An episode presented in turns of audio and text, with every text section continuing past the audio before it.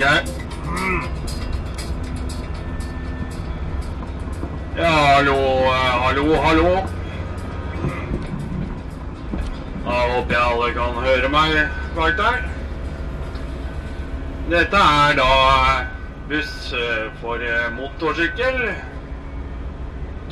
Og dagens tur er presentert av Rallydor podkast. Mitt navn er eh, Dennis Traolta, og denne ruten går eh, fra Oslo til eh, Magnor. Og vi påpeker at dette er en ekspressrute, og første stopp blir Backcountry MC. Vi håper alle får en eh, behagelig tur. Og eh, kan melde om eh, overskyet, pent vær. Takk for det.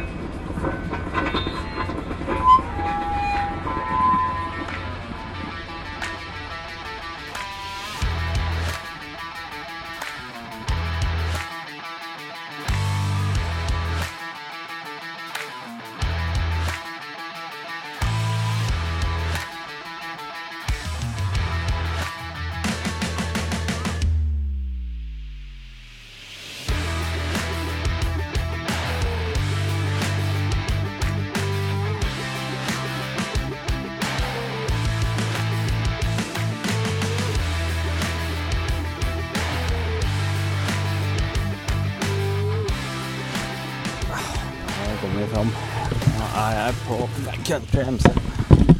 Bare komme meg inn med saker og ting nå. Det er mye styr i dag, altså. Ja, Det blir en lang dag. Dette blir gøy. Skal vi se. Det er jo egentlig en skam å innrømme at det er første gang jeg er her, altså. Det er første gang jeg er her.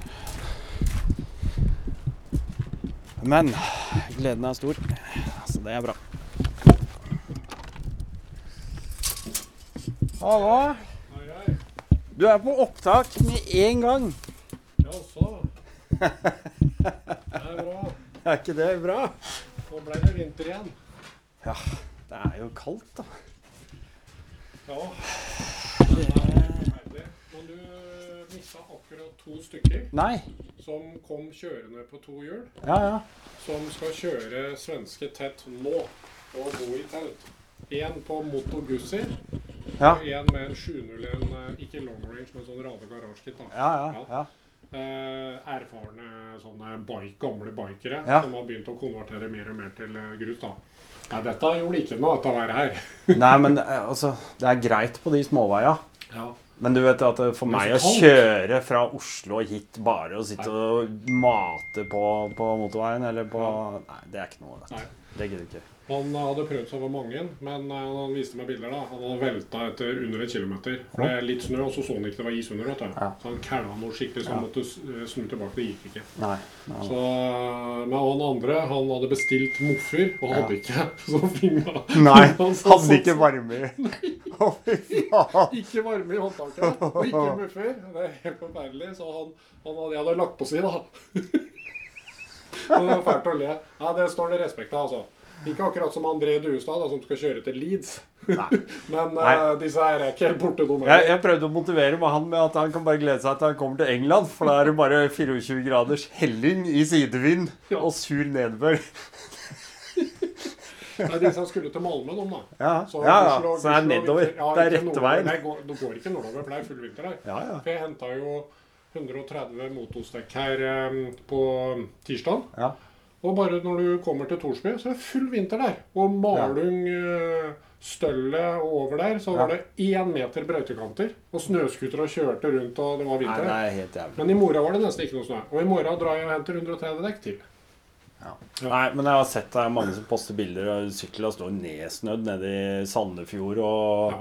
Nei, Det er helt sjukt. Helt merkelig. Yes. Skal jeg dra ut uh, beistet, holdt jeg på å si? Ja. Ja. Uh, det gjør jeg. Da åpner garasjeporten på baksida. Ja. Satt på ovnen og sånn. Ja. Så bare fyller vi. Her er løfter jekk og alt sånt, så tar vi Ja. derfra. Og så må jeg rigge masse utstyr og greier. Ja, ja. Den er grei. 9. april. Nydelig.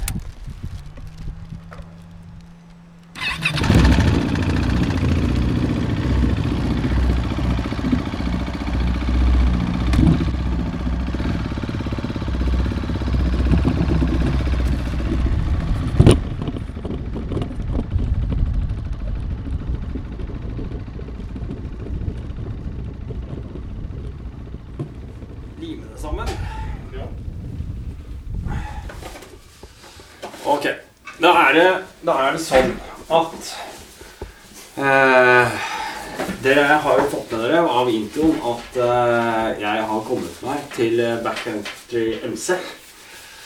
Tilbake til eh, faktisk en av eh, lytternes favoritter. Oi, hør der. Ja, vi har jo snakka sammen før, vi. Ja da. Det, jeg husker det godt. Det ble eh, morsomt, det. Ja. Ole Kristian Gundersen, du var med på eh, en episode eh, rett og slett om eh, gründervirksomheten din, da, som er Ja. MC, og litt av den bakgrunnen. Og, og eh, hva som liksom var forløpet Ja. til eh, Backcountry MC. Når var det? Var det i Ja, det- fjor vår? Ja, det var i fjor våres. Eh, som Ja, litt sånn på Og det har eksplodert etter det. Har det det? Ja. Nei, så kult. For nå står du i det rommet hvor det har eh, Altså demperrommet. Ja. Og jeg bestemte meg i fjor da at eh, det er jo litt trist om eh, vinteren da bare være her og pakke tankvesker og Ja. giant loop-vesker og sånn. ikke sant? ja. Og så har jeg jo drevet med dempere i 20 år for eh, personal and friends use. Mm, mm. Ikke sånn kommersielt. Mm. Tenkte jeg dette her kan jeg jo. Mm. Så har jeg veldig mye gode, gode kontakter i miljøet. Mm. Um, uh, som jeg nevnte litt innledningsvis her i stad, at jeg har jo kontakt med en som uh, helst ikke vil stå fram. Nei. Og det, det er moro. Og da får jeg masse å gjøre på vinteren. Kjempebra. Men la oss bare for lytteren sin del. da. Eh, jeg har snakka litt grann, eh, nå inn- innledningsvis om at eh, at eh, enhver motorsykkel vil alltid ha rom for forbedringer. Ja. Og eh, i den anledning så er det jo sånn at du har Du har benytta vinteren godt. Og egentlig så var jeg i kontakt med deg her allerede i desember. November-desember, tror jeg. Ja. Spurte om ikke du hadde lyst til å snakke litt om hva du driver med på vinterstid. For at du var inne på det nå nettopp. Ja. Det er kjedelig å bare pakke bager og, Speil. og speil på vinteren. Hva har du drevet med nå i vinter? Jeg har holdt på å jobbe meg i hjel ved å bygge om primært VP-dempere til KTM, majoriteten, Mm. så Husqvarna litt gassgass. Mm. Mye endurosykler, Mm. men også eh, offroad-sykler, da. 690 og oppover, faktisk. Ja. Og det er kjempemoro, for det på, på vinteren så får man jo feedback de luxe med en gang på endurosykler, for vi har jo kjørt med pigg. Ja, ja. Og det er kjempemoro. Og det det går i, er jo et eh, kjent merke eh, som mange installerer på forskjellige ulike ting. Det er Kotec. Mm. Og så har jeg noen gode kontakter på VP-autoriserte sentre rundt omkring, Mm. som er eh, ganske rå på dette. her. Mm. Så det er eh, veldig mye. Ja. Og som eh, folk har jo skjønt, da, at i stedet for å kjøpe seg Nakrapovic, Ja. så får du mye mer igjen for å investere fire, fem, seks lapper i gaffela. Det blir en helt annen sykkel. Da plutselig mister du ikke framhjulet lenger i en sving og sånne ting. ikke sant? Det er, det er, det er ikke til å tro altså, hvor mye bedre det blir. Nei, altså, Det er det vi håper at vi skal få til med dempera dine i dag. da.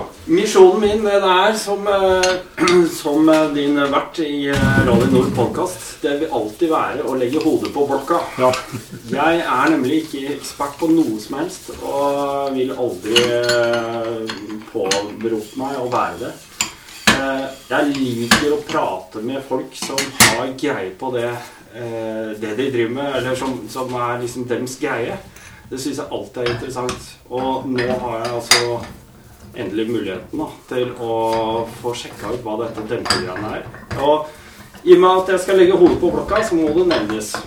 Min sykkel det er da altså en eh, 701 long range. Eh, 2020-modell. Tok jeg ut i 28. mars eh, 2020. Eh, og eh, den har bikka 30 000 km. Og jeg skal være helt ærlig og si jeg har ikke rørt så mye som en vingemutter på noen av de demperne mine. Det Du er ikke den eneste. og det eneste jeg har gjort, faktisk, det er at uh, jeg leverte den inn. Uh, og det, det må jo sies Det er jo gjort noe med dempera. Fordi at uh, jeg leverte den inn på 8000, eller 10 000. Så tok jeg samtidig og smekka på og senka. Jeg senka gafla. Senka gaffel, ja. Og, og bak, da. Likt. Det er en sånn derre fabrikksenking, som det heter. Det er smart. For jeg har flere kunder som jeg senker gaffela, eller dempere på, da, både foran og bak. Må få en helt annen sjøltillit når Ja. du kjører. Spesielt i enduro og sånt, og Ja. ulendt og sånn. Ja. Er jo eh, stakkars folk. Jeg er jo to meter. Jeg, jeg vet, kjenner jo ikke til det problemet. Nei, nei. Jeg ser jo det, de tipptover og de velter ned skråninger og greier. Og så senker jeg dem sånn ja, tre centimeter foran og bak. Ja. De blir jo nesten VM-kjørere med en gang. De får kontroll. Det er veldig, veldig sånn, og det er nok litt sånn inngrodd i, det, i miljøet vårt da, at eh, det, det kan være litt sånn fifi å dempe, og det er litt sånn eh, det er, det er greit å gjøre hvis du er dame og eh, 1,70 eller 1,60 liksom, men det er ikke noe forskjell på det, altså. Jeg, og um, jeg, jeg skjønner det, at da hadde jeg hatt en uh, 250 eh, rally eller et eller annet annet morsomt som jeg virkelig skulle leke med og klemme til gjennom løypa med, så hadde jeg satt pris på å ha mer eh, fjæringsvei eh, enn på en 701 som jeg skal bruke til alt mulig rart. Så, så, er så er, var det helt fornuftig. Ja. Og jeg fikk en mye mer stabil sykkel.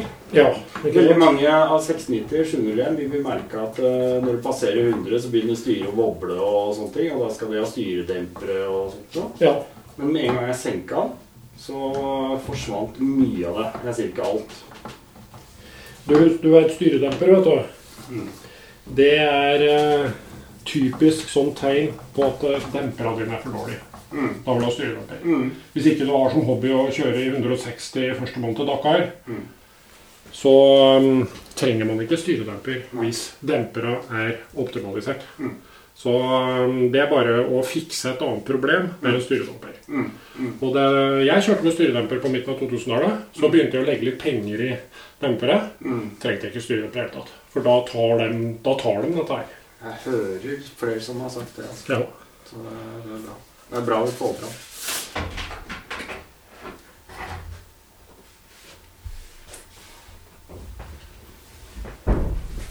Hei, Hallo! hva er det de driver med?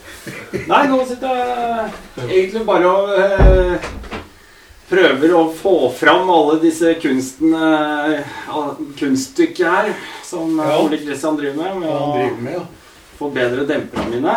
ja. Er det mer bare lyd, eller er det kamera? Eller? Nei, det er lyd. Det er lyd. Bare lyd, ja. Ja. Ja. Så nå er det mikrofoner overalt. Ja. Nå er det på opptak. ja. ja hva er det for sykkel dette? Eh, Sjuendeled. Eh, sjuendeled. Ja, Husqvarna, ja. Ja. ja. Yes. Så her blir vi en del timer i dag, ja. Nå skal vi liksom Begge dempere. Og bakpå bakpå. Så her blir det fire timer i hvert fall. Ja. Det det det jeg går og tar sofaen igjen. jeg. ja takk skal du ha. Fint, da. Hei, hei. Ja, veldig bra. Det var eh, senioren. Ja. Ja. Yes, han um, Litt nysgjerrig, da, vet du. Ja, ja. Så Får lov til å se litt. ja. Ja. Hei da, sånn, han eh, hjelper jeg meg innimellom med litt forskjellige ting, så. OK. Du, jeg, jeg sier at du har fått med deg forkleet ditt og har vært ute og slakta sykkelen din, Ja. eh, som du kalte det. Eh, jeg har eh, helt stor tro på at det, Den blir like bra og vel så mye bedre. Ja, det kan du si en ting, da. Det er vel ikke noe farlig å si det. Jeg har, eller jeg har en kunde som skal kjøre Rally Hellas. Ja. Han kommer til å kjøre med samme oppsettet som du får nå. Så nå er du klar for Rally Hellas, eh, Dennis. Etter dette er ikke noe problem. Dette er stilig. Ja, og han har forska veldig mye. Fått veldig gode tilbakemeldinger på det jeg skal gjøre her nå. da.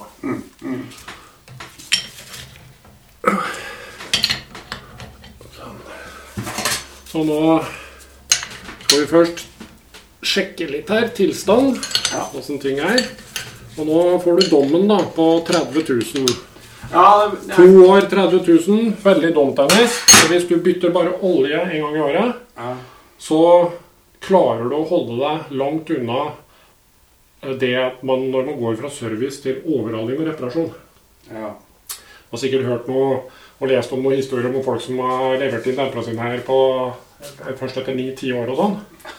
Da er det ikke mye olje som kommer ut. Da er det mer sånn yoghurt og slipepasta og greier. da. Og alt bare sitter fast. Klikker er ute av funksjon. noen tror da at de virker, men de er helt ute av funksjon. For ventilene man er justerer på, de bare, de bare sitter fast, de er rusta fast og irra fast. Øvre del av fjørene er bare rustne, for det har aldri vært olje der. Sånne ting, da. Det er veldig mye, mye fæle ting jeg ser her. Men vi fikser det. Fikser alt sammen. Ja da. Så da skal vi bare demontere dette beina her, og så ser jeg For når jeg tømmer ut oljen, da Ja. Det er omtrent som å gå til legen og ta sånn helsesjekk. ja, det er der du får det. ja, blodtrykk på alle verdier og du blodprøver nå, ikke sant? Nå ser vi dette når dette helles ut, da. Kan jeg, kan jeg nesten med en gang si åssen det er, men jeg tror ikke det er jeg, for nå kjører stort sett vei, ikke sant? Dette skal være ganske fint, tror jeg. da. Jeg tror det. Og så du la merke til at eh, demperfunksjonen er jo den der. Den bare forsvant ned her nå. Nå har jeg tatt fram det beinet som egentlig VP kom på da, for noen år siden at hun skulle lage en versjon som heter Explore. Ja. Det er egentlig ikke noe spesielt mye hokus pokus i det, det beinet her. Nei. Det er altså da vi kaller venstrebeinet på Ja. det, da. Det er det samme som der kaliperen sitter på. Ja, da, Det er for det mangler en midtvelv her. De har satt inn noe de kaller en sånn cone bullet. Skal vise deg etterpå egentlig hvor Mickey Mouse-aktig den der. Det er helt, helt rart at det funker i det hele tatt. Ok.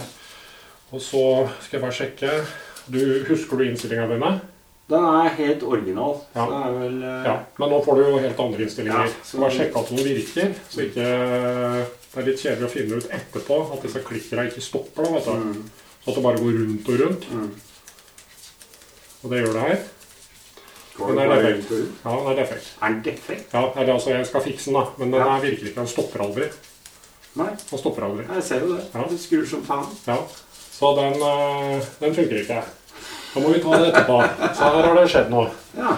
Um, dette her hater jeg. Sånne hurtigluftere. Ja. Det er sånn typisk uh, kilde til lekkasje på dempera Ja. inntil på skogen. Har du med deg de originale skruene og O-ringene et eller annet sted? Nei. Nei, det må du ha. Dette er sånn typisk sånn oljelekkasjegreier. da. Og jo høyere og mer bling og farger det er på det, jo dårligere er det. Biltema tenner Ja, ja. sånne. vet Ja, ja, ja. Disse ser litt bedre ut, da. Men her, Ja, for det, den, jeg ba om å få de originale. her har den gått gjennom gummien, ser du. Den der. Ja. Den skal ikke gjøre det. Så her har du eh, lekkasje. Så den der dritten der skal jeg bytte ut. Ja. Sett på det originale, du. Mm. Det er veldig sjelden du får luft i gaflene dine. Ja. Det er litt uh, Kjører du et crossfit på 20 minutter, og det gløder av dem, ja, da skal du lufte før neste heat. Ja. Så det er nesten unødvendig, spør du meg. Takk. Ja. Sånn. Nå hører dere. Jeg, jeg har bedt om det. Jeg vil ha det. Jeg, Jeg fant vil- første femmeter på Ja, minutter. det er. Ja, Det går så fint. Jeg er veldig glad for det. Sånn. Nei, men dette her er interessant. Ja, ja. Du har faktisk fått kortere fjører i, du. Ja, det er litt kult. Fabrikksenka, det er litt artig. Mye kortere. Mye kortere. Så tror jeg da Jeg skal titte litt mer inni her, da. Men det er litt artig. Så tar du ut den. Når du klikker på toppen, så kommer du til en ping som trykker på den stanga. Den trykker videre på en ventil som sitter nå nedi her. da. Den blir sånn midt i omtrent etterpå. Og denne her sjekker jeg. Her, fjørbelastet. Ja. Den virker. Ja. Den er ikke rusta fast. Nei. Bra.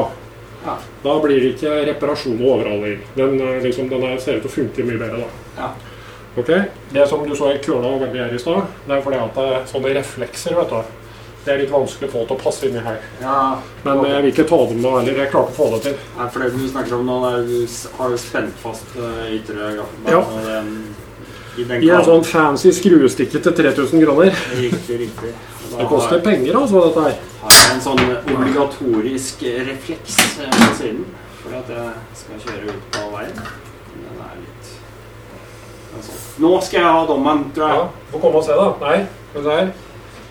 Dette ser helt greit ut, Dennis. Det er olje som kommer ut. Ja. Det er greit. Jeg syns den så pen ut òg, jeg. Ja, Denne er eh, overraskende pen etter to år, for det bruker å være litt mer kondens.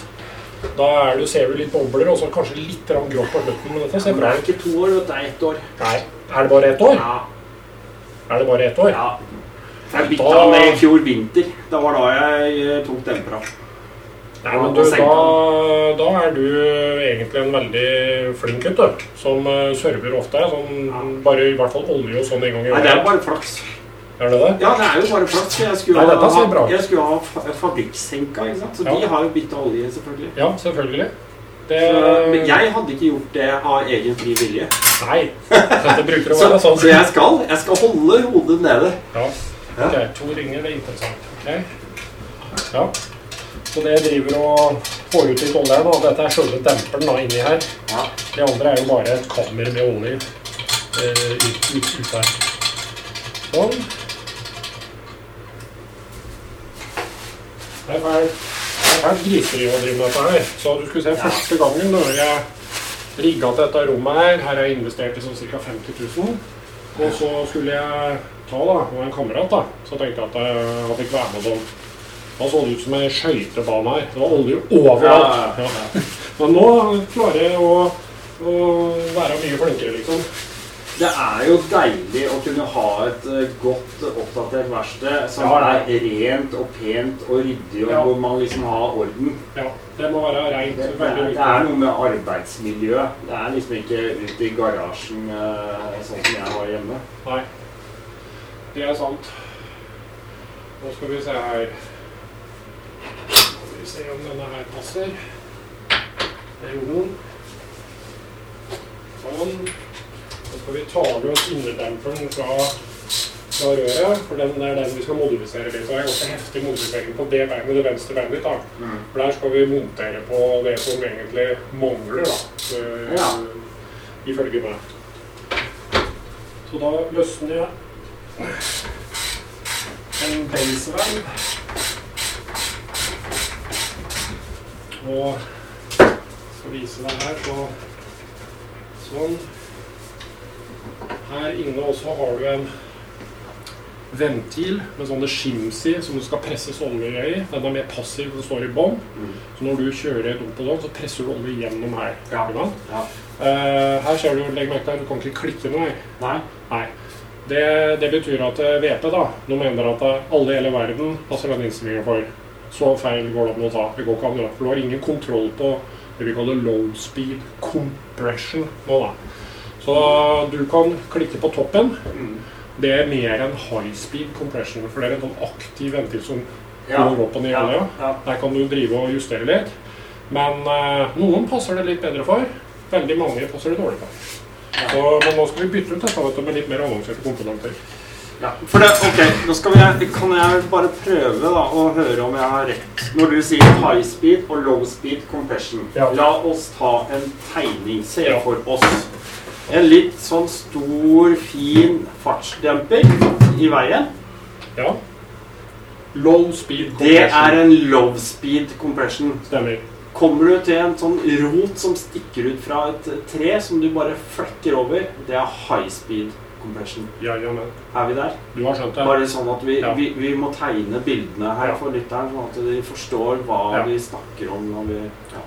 Og disse her ekspertene de kjører jo disse gafla i sånne her dynobenker Mm. og simulerer eh, la oss si baner eller terreng Mm. for å se hvor mye motstand For alt handler bare om oljetrykk, og motstand, Ja. og, og hvor kjapt demperen går opp og ned. Ja. Så når vi prater om low og high speed, Ja. det er hvor fort innerbeinet går opp i ytterbeinet, altså hvor Ja. kompresserer, og retur. Ja. Ja. Du kan også kontrollere på det andre beinet ditt. Mm. Nå vil du få i begge, men du har bare i høyre Mm. hvor fort det skal strekke seg ut igjen. Det Ja. kalles rebound damping. Ja.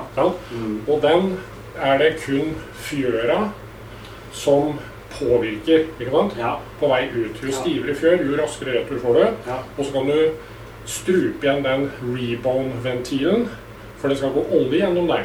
Og det er som en kran. Skrur du igjen krana, Mm. da må den trykke olja ut gjennom bare ventilene. Mm. Hvis du åpner krana, da trykker den olje ut gjennom ventilene som er fast, pluss et bypass-hull. Ja. Det er den krana. Ja. Veldig kort fortalt. Så dette er ikke noe hokus pokus. Det er oljetrykk, hydraulikk Mm. eh, oljetrykk. Og så handler det veldig mye om eh, på dempere friksjon. Ja. Og stiction er nesten viktigere. Det er når en demper snur. Når du har kom Ja. komprimert, så skal den snu i action fra kompresjon til rebound. Riktig. Da Hvis du har litt gamle tetninger og skraperinger og sånn, og støvringer, Ja. da får du sånn stiction av hengende igjen der. Og her skal det, For friksjon er det når du er i bevegelse. Ja. Det er jo kanskje det viktigste, men stiction er også veldig viktig. Og der er det jo Man får mindre friksjon og stiction jo mer man legger i komponentene. Men da lekker gaflene dine oftere. Så det er en balansepunkt. der. Ja. En gammel crossfører og som har kjørt litt, han sier at det er bra at gafla lekker litt. For da smør du olje, oljefilm, veldig lite friksjon. Men de server jo gafla sine til hvert løp. Etter, ikke sant? Ja. De driter i om det Ja. mangler eh, fem milliliter olje. Ja. Ikke sant? Det har ikke vi tid til inn på skogen. Her bør det være tett. Riktig. Ja. Riktig. Ok, da, Mye fin informasjon der, altså. da skal jeg ta ut selve innerdemperen din, dempermekanismen.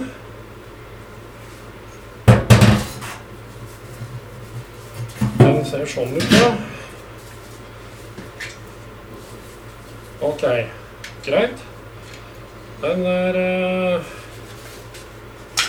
Den ser ren og fin ut så langt. Så skal vi ta og så fjerne det der. Kalles en sånn hydrostopp. Okay. For der er det noe høl der som ikke skal være der nå i framtida. Nei. Ny en som er tett der. Ja. Og så um, skal vi gjøre litt lur med denne her, da, vet du. Eh, det er litt interessant, dette her, altså. Hvordan den skjuler den ser ut.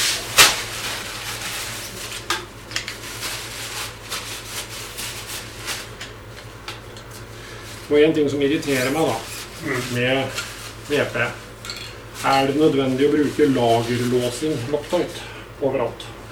Det betyr at vi må varme noe helt forferdelig her, vet du. Oh, ja. Ja. Det er eh, liksom eh, helt meningsløst. Du har ingen krefter den veien, vet du. Du har bare krefter i lengderetning. Så at de, de har brukt Men det er vel så at du skal liksom til et verksted, da, og ikke drive Ja, for det vi snakker om nå, det er noen komponenter. Dette er eh, støtstanga som sitter inni en slags hylse. Ja. Dette er demperen din, en sykkelpumpe. Ja. Ja. Men for å dele den, så er det, det er en uh, gjenge, ja. ja, en gjenge som på en måte er Det er litt vanskelig å beskrive Mm. bare for lyd, men Nei. eh, nå skal jeg ta ut eh, Ta ut her. Eh, Hvilken er det? Det er den. Sånn. Sånn.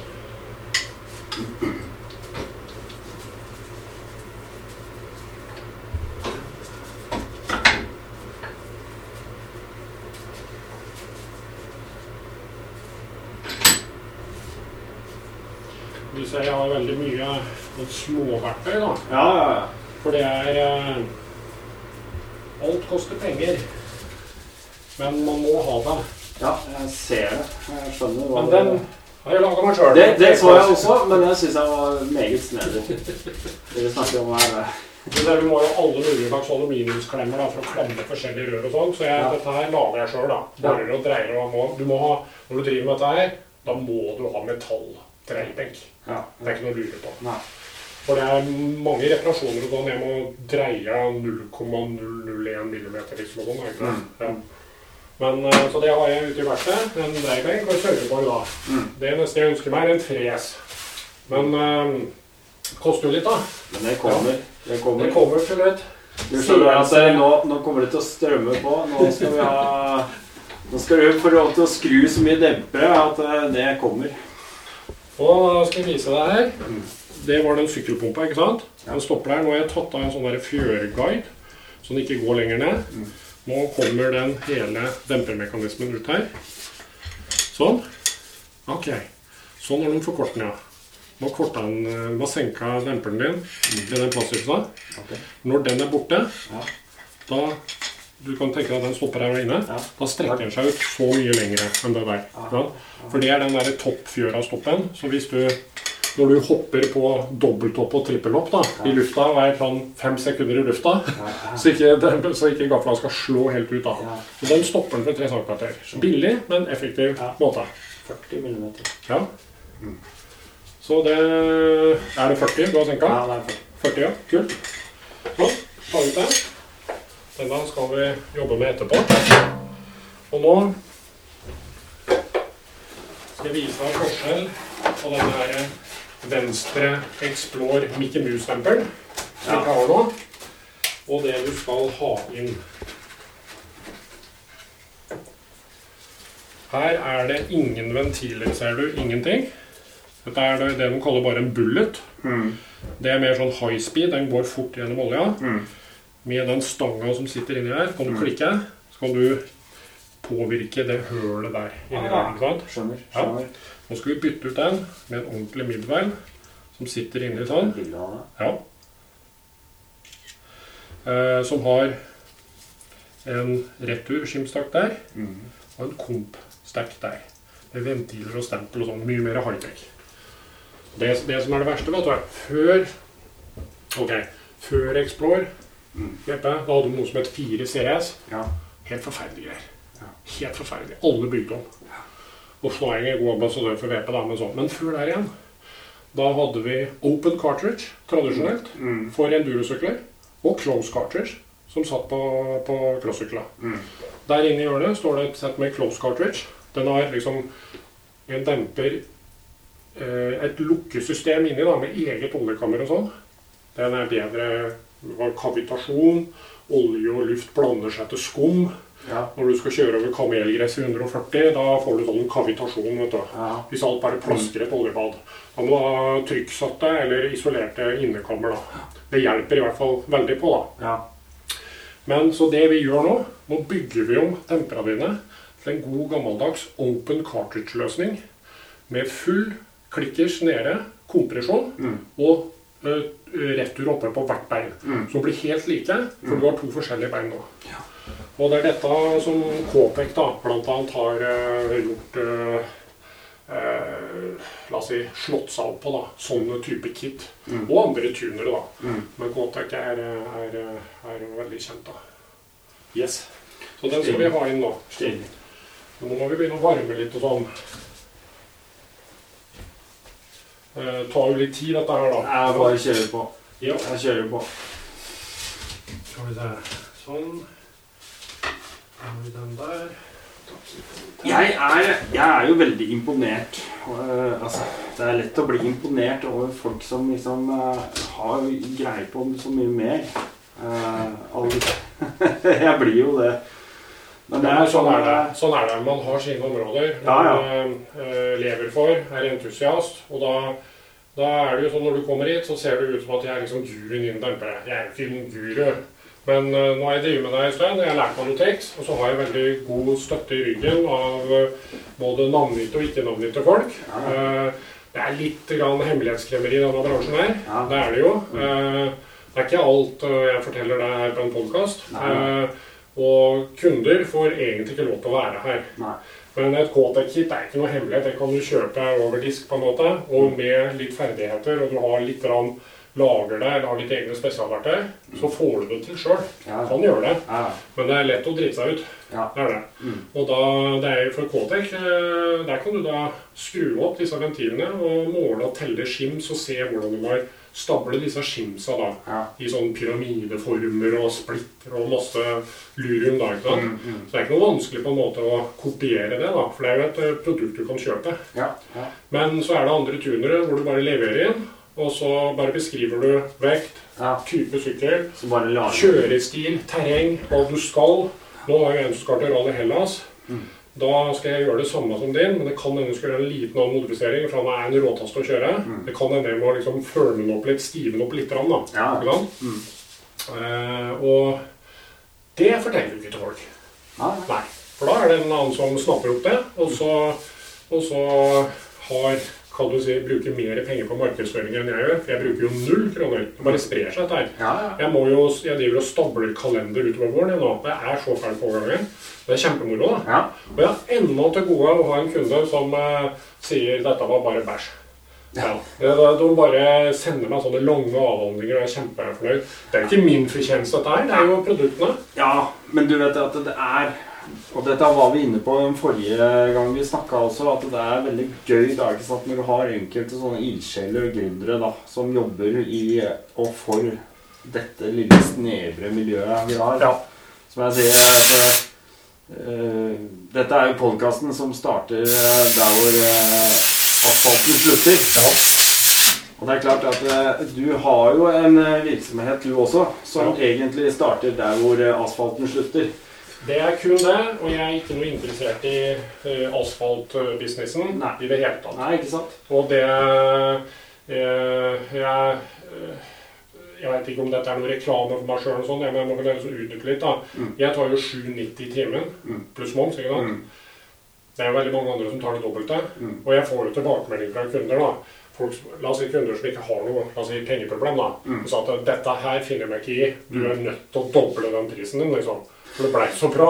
Men jeg er ikke sånn. Jeg, vi begynner heller her, tror jeg. Ja, ja. Ja, for det, du er tross alt på landet her og et gammelt ombygd vognskjul, ikke sant? Og på en gammel golfbane. Det er et godt ombygd vognskjul, da. Det skal Ja, sies.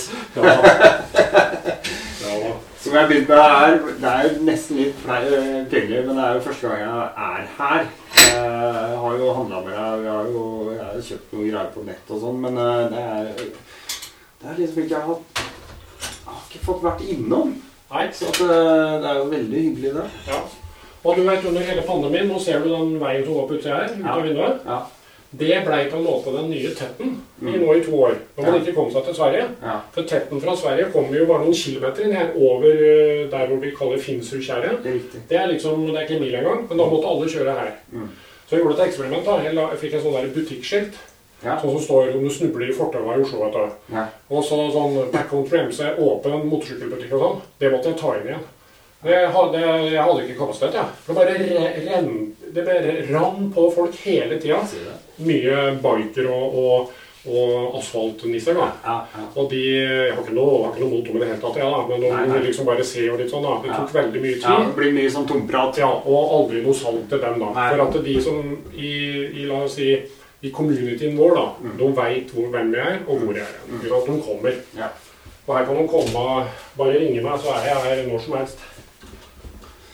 Vi skal eh, snakke om noe annet enn du driver og fikler med demperen din her. Men eh, eh, nå ser jeg det, at du har, du har vært første tur over og henta motos dekk. Ja. Og så en fantastisk stabling av et dekkhylle ute ja. i korridoren her. Hele inngangspartiet er jo ført, 120 er det nå jeg henta 100, nei, 100 ti er det igjen. Jeg henta 130, ja. leverte ut 20 allerede. Ja. I morgen henter jeg 130 til, ja. og jeg veit ikke hvor jeg skal gjøre det. Nei. Så hvis du hører på denne podkasten nå, så vennligst kom meg hjem dekkabilen her. Jeg har eh, nå to uker avtalt med utleveringer. da. Kjempemoro, for det er jo jeg merker det jo sjøl på andre merker da, det er jo litt sånn dekkrise om dagen. Ja. Sånn Råvareproblematikk. Så det er fint å kunne ha litt på lager, altså. Det er det. Mm. Men eh, en oppfordring til lyttere. Ikke eh, Dette er tredje året, og jeg sier det hvert år. Det er Norge ikke meg. Det er forferdelig mye jobb rundt dette her. Mm. Og fortjenesten på dekk som jeg har lagt meg på, eh, folk sier at jeg må ta mye mer. Ja, jeg har min margin. Jeg klarer meg. ikke sant? Mm. Og jeg syns nesten litt synd på folk. Det er jo ikke mulig å få tak i Michelin, Anarchy Wild og sånne ting. ikke sant? Så det er, det er greit, da. Men jeg sier det hvert år, og det er veldig mye om dette her. Men eh, etter i morgen nå, da, så er det sånn to-tre dager med full kaos og sortering og merking og sånne ting. Mm. Men da liksom ligger de der. Ja. Og da, det som har vært de foregående åra Nei, jeg har dekkbeholder hele sesongen. Det er sånn standard. Mm. Det hender jeg sender ut litt mail til folk. Du, når jeg har. Hva tror du skjer i august? Ja.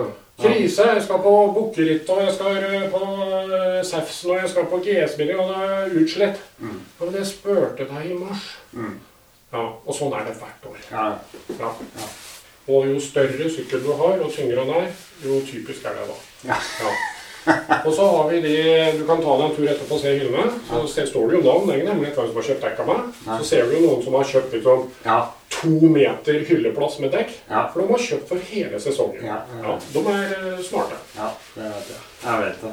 Ja. Sånn. Der. Nå må vi bare ha den litt unna sånn, så ikke vi brenner opp den plastikkbiten der. Nå skal vi begynne å varme noe helt forferdelig her. Ja. Da har jeg prøvd å løse denne her med varmepistol mange ganger, og jeg gir opp hver gang. Da er girreteren, da går det bare rett på propan. Ja. Finner fram våpenet først. Det er så mye forskjellige dimensjoner, vet du. All verden, er den der for noe? 22, da var den der.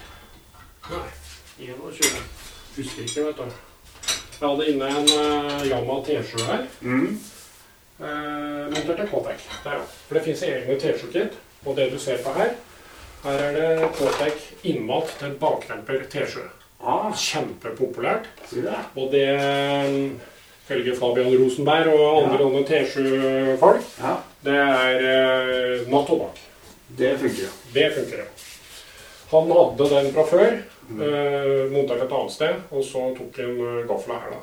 Ja. Så han er kjempefornøyd. Sånn. Der. Da blir det litt farligere. Og varme opp litt for å løsne på ting.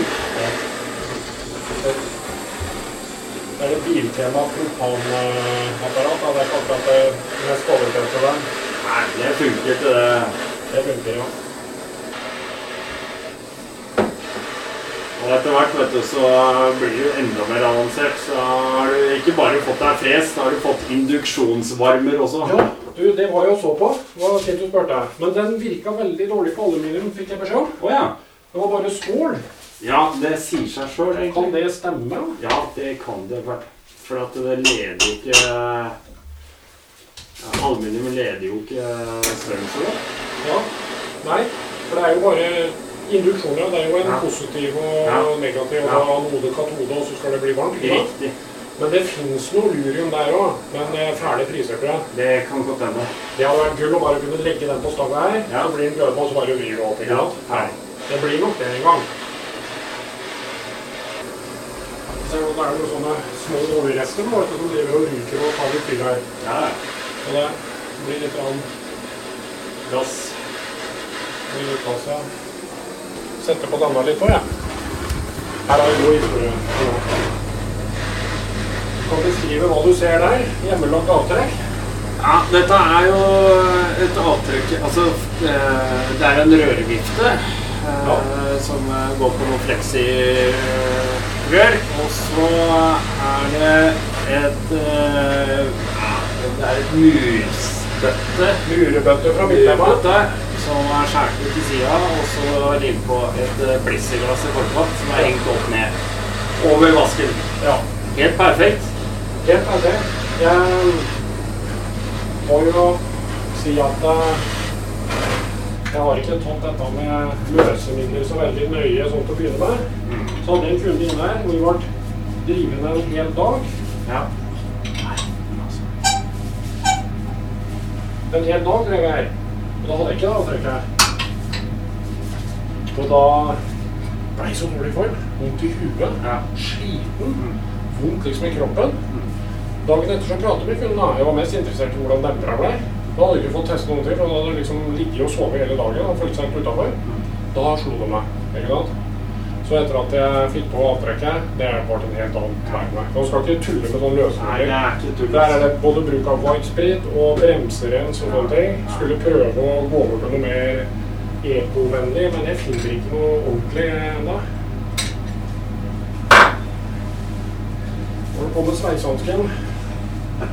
Der glemte jeg en gang. Der, da satt den gullhansken igjen.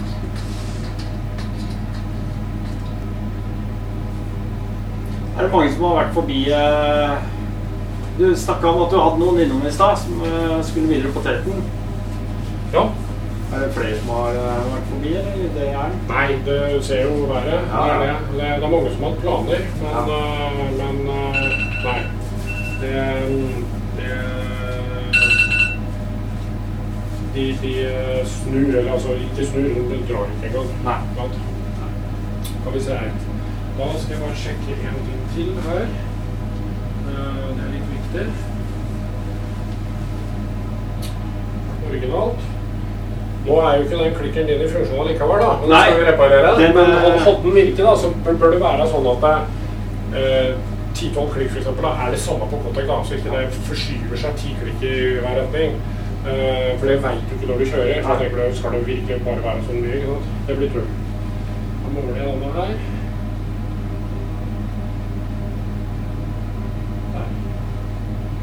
Der. 5,11 millimeter. En gang til.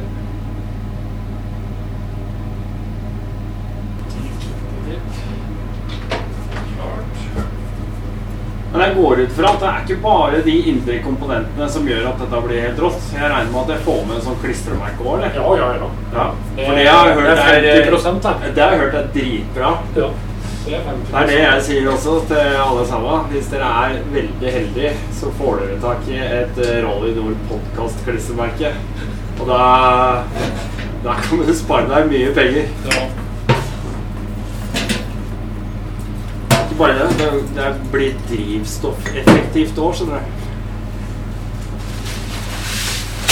ja, det glemmer folk at det bruker mye mindre bensin. Sånn. Men nå spør jeg dumt, da. I og med at du har tette der. Er det fordi at vi har fått åpninger i cartridgen isteden? Ja, nå skal du presse olje gjennom den midtvalven på en helt annen måte. Ikke sant? Så det er derfor du tetter der. For at du du- skal flytte funksjonen Fra høyrebeinet og fordele nå 50-50. riktig. For ditt høyrebein har vært mye mer treigt på returen og sånn. Ja. Det, det er det eneste beinet du har retur i. Ja. For den skal gi retur for to bein. da. Mm. Nå skal vi fordele dette 50-50 helt synkront. ja. Sant? Og så har du kontroll på returen. da. Bare, bare det er jeg, sier, jeg sier ikke at det er noe feil med å kjøre originalt men det er noe som klanger mye bedre i huet mitt med en gang jeg veit at det, begge gaffelbeina fungerer likt synkront. Ja, men det er ikke uvanlig dette her. Eh, du Nei, jeg sier ikke at det er uvanlig, det er jo vanlig. Ja. Det er Og vanlig. AER-system, altså luftslutdemper og sånn. Så det er luft i ene beinet, Ja, ja. eh, og ikke noe i andre. Så er det noen som bytter ut bare fjør i ene beinet, og Jeg, ikke noe i andre. jeg sier ikke at det nødvendigvis er noe gærent med det. Det er bare sånn inni huet mitt Ja. så virker det mer riktig og fornuftig. ja. Sånn. Har du på den igjen, da?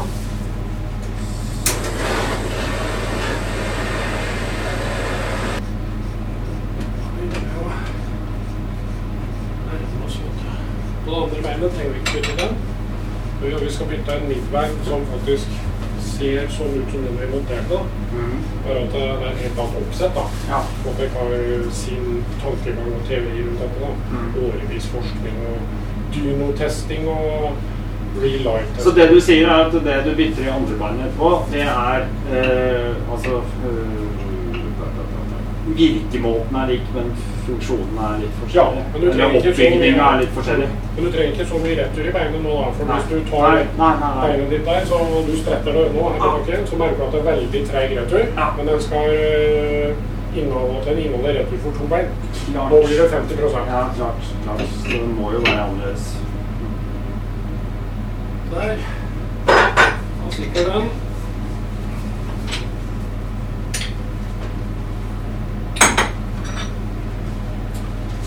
Og da skal jeg montere dette her. Da er det viktig å ikke glemme av den, da, så plutselig får du litt lange demper igjen. ikke sant?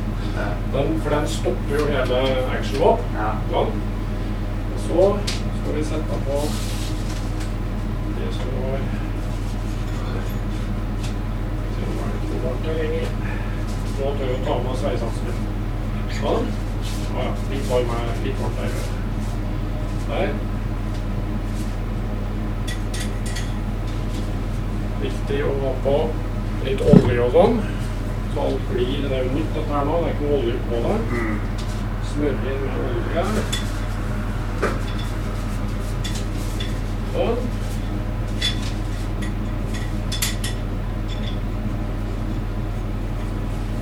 Litt forsiktig gjennom her, for her er det gjenger. Der må vi forbi gjengene.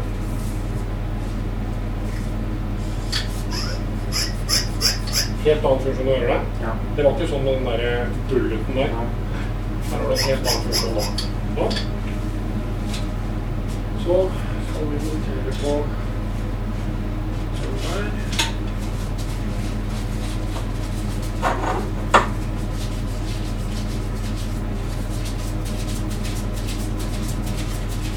Jeg husker første gangen for 100 år siden. Da trodde jeg det var denne som skulle ha greier og. Da ørna jeg det. Hadde ikke peiling, vet du. Nei. Nei.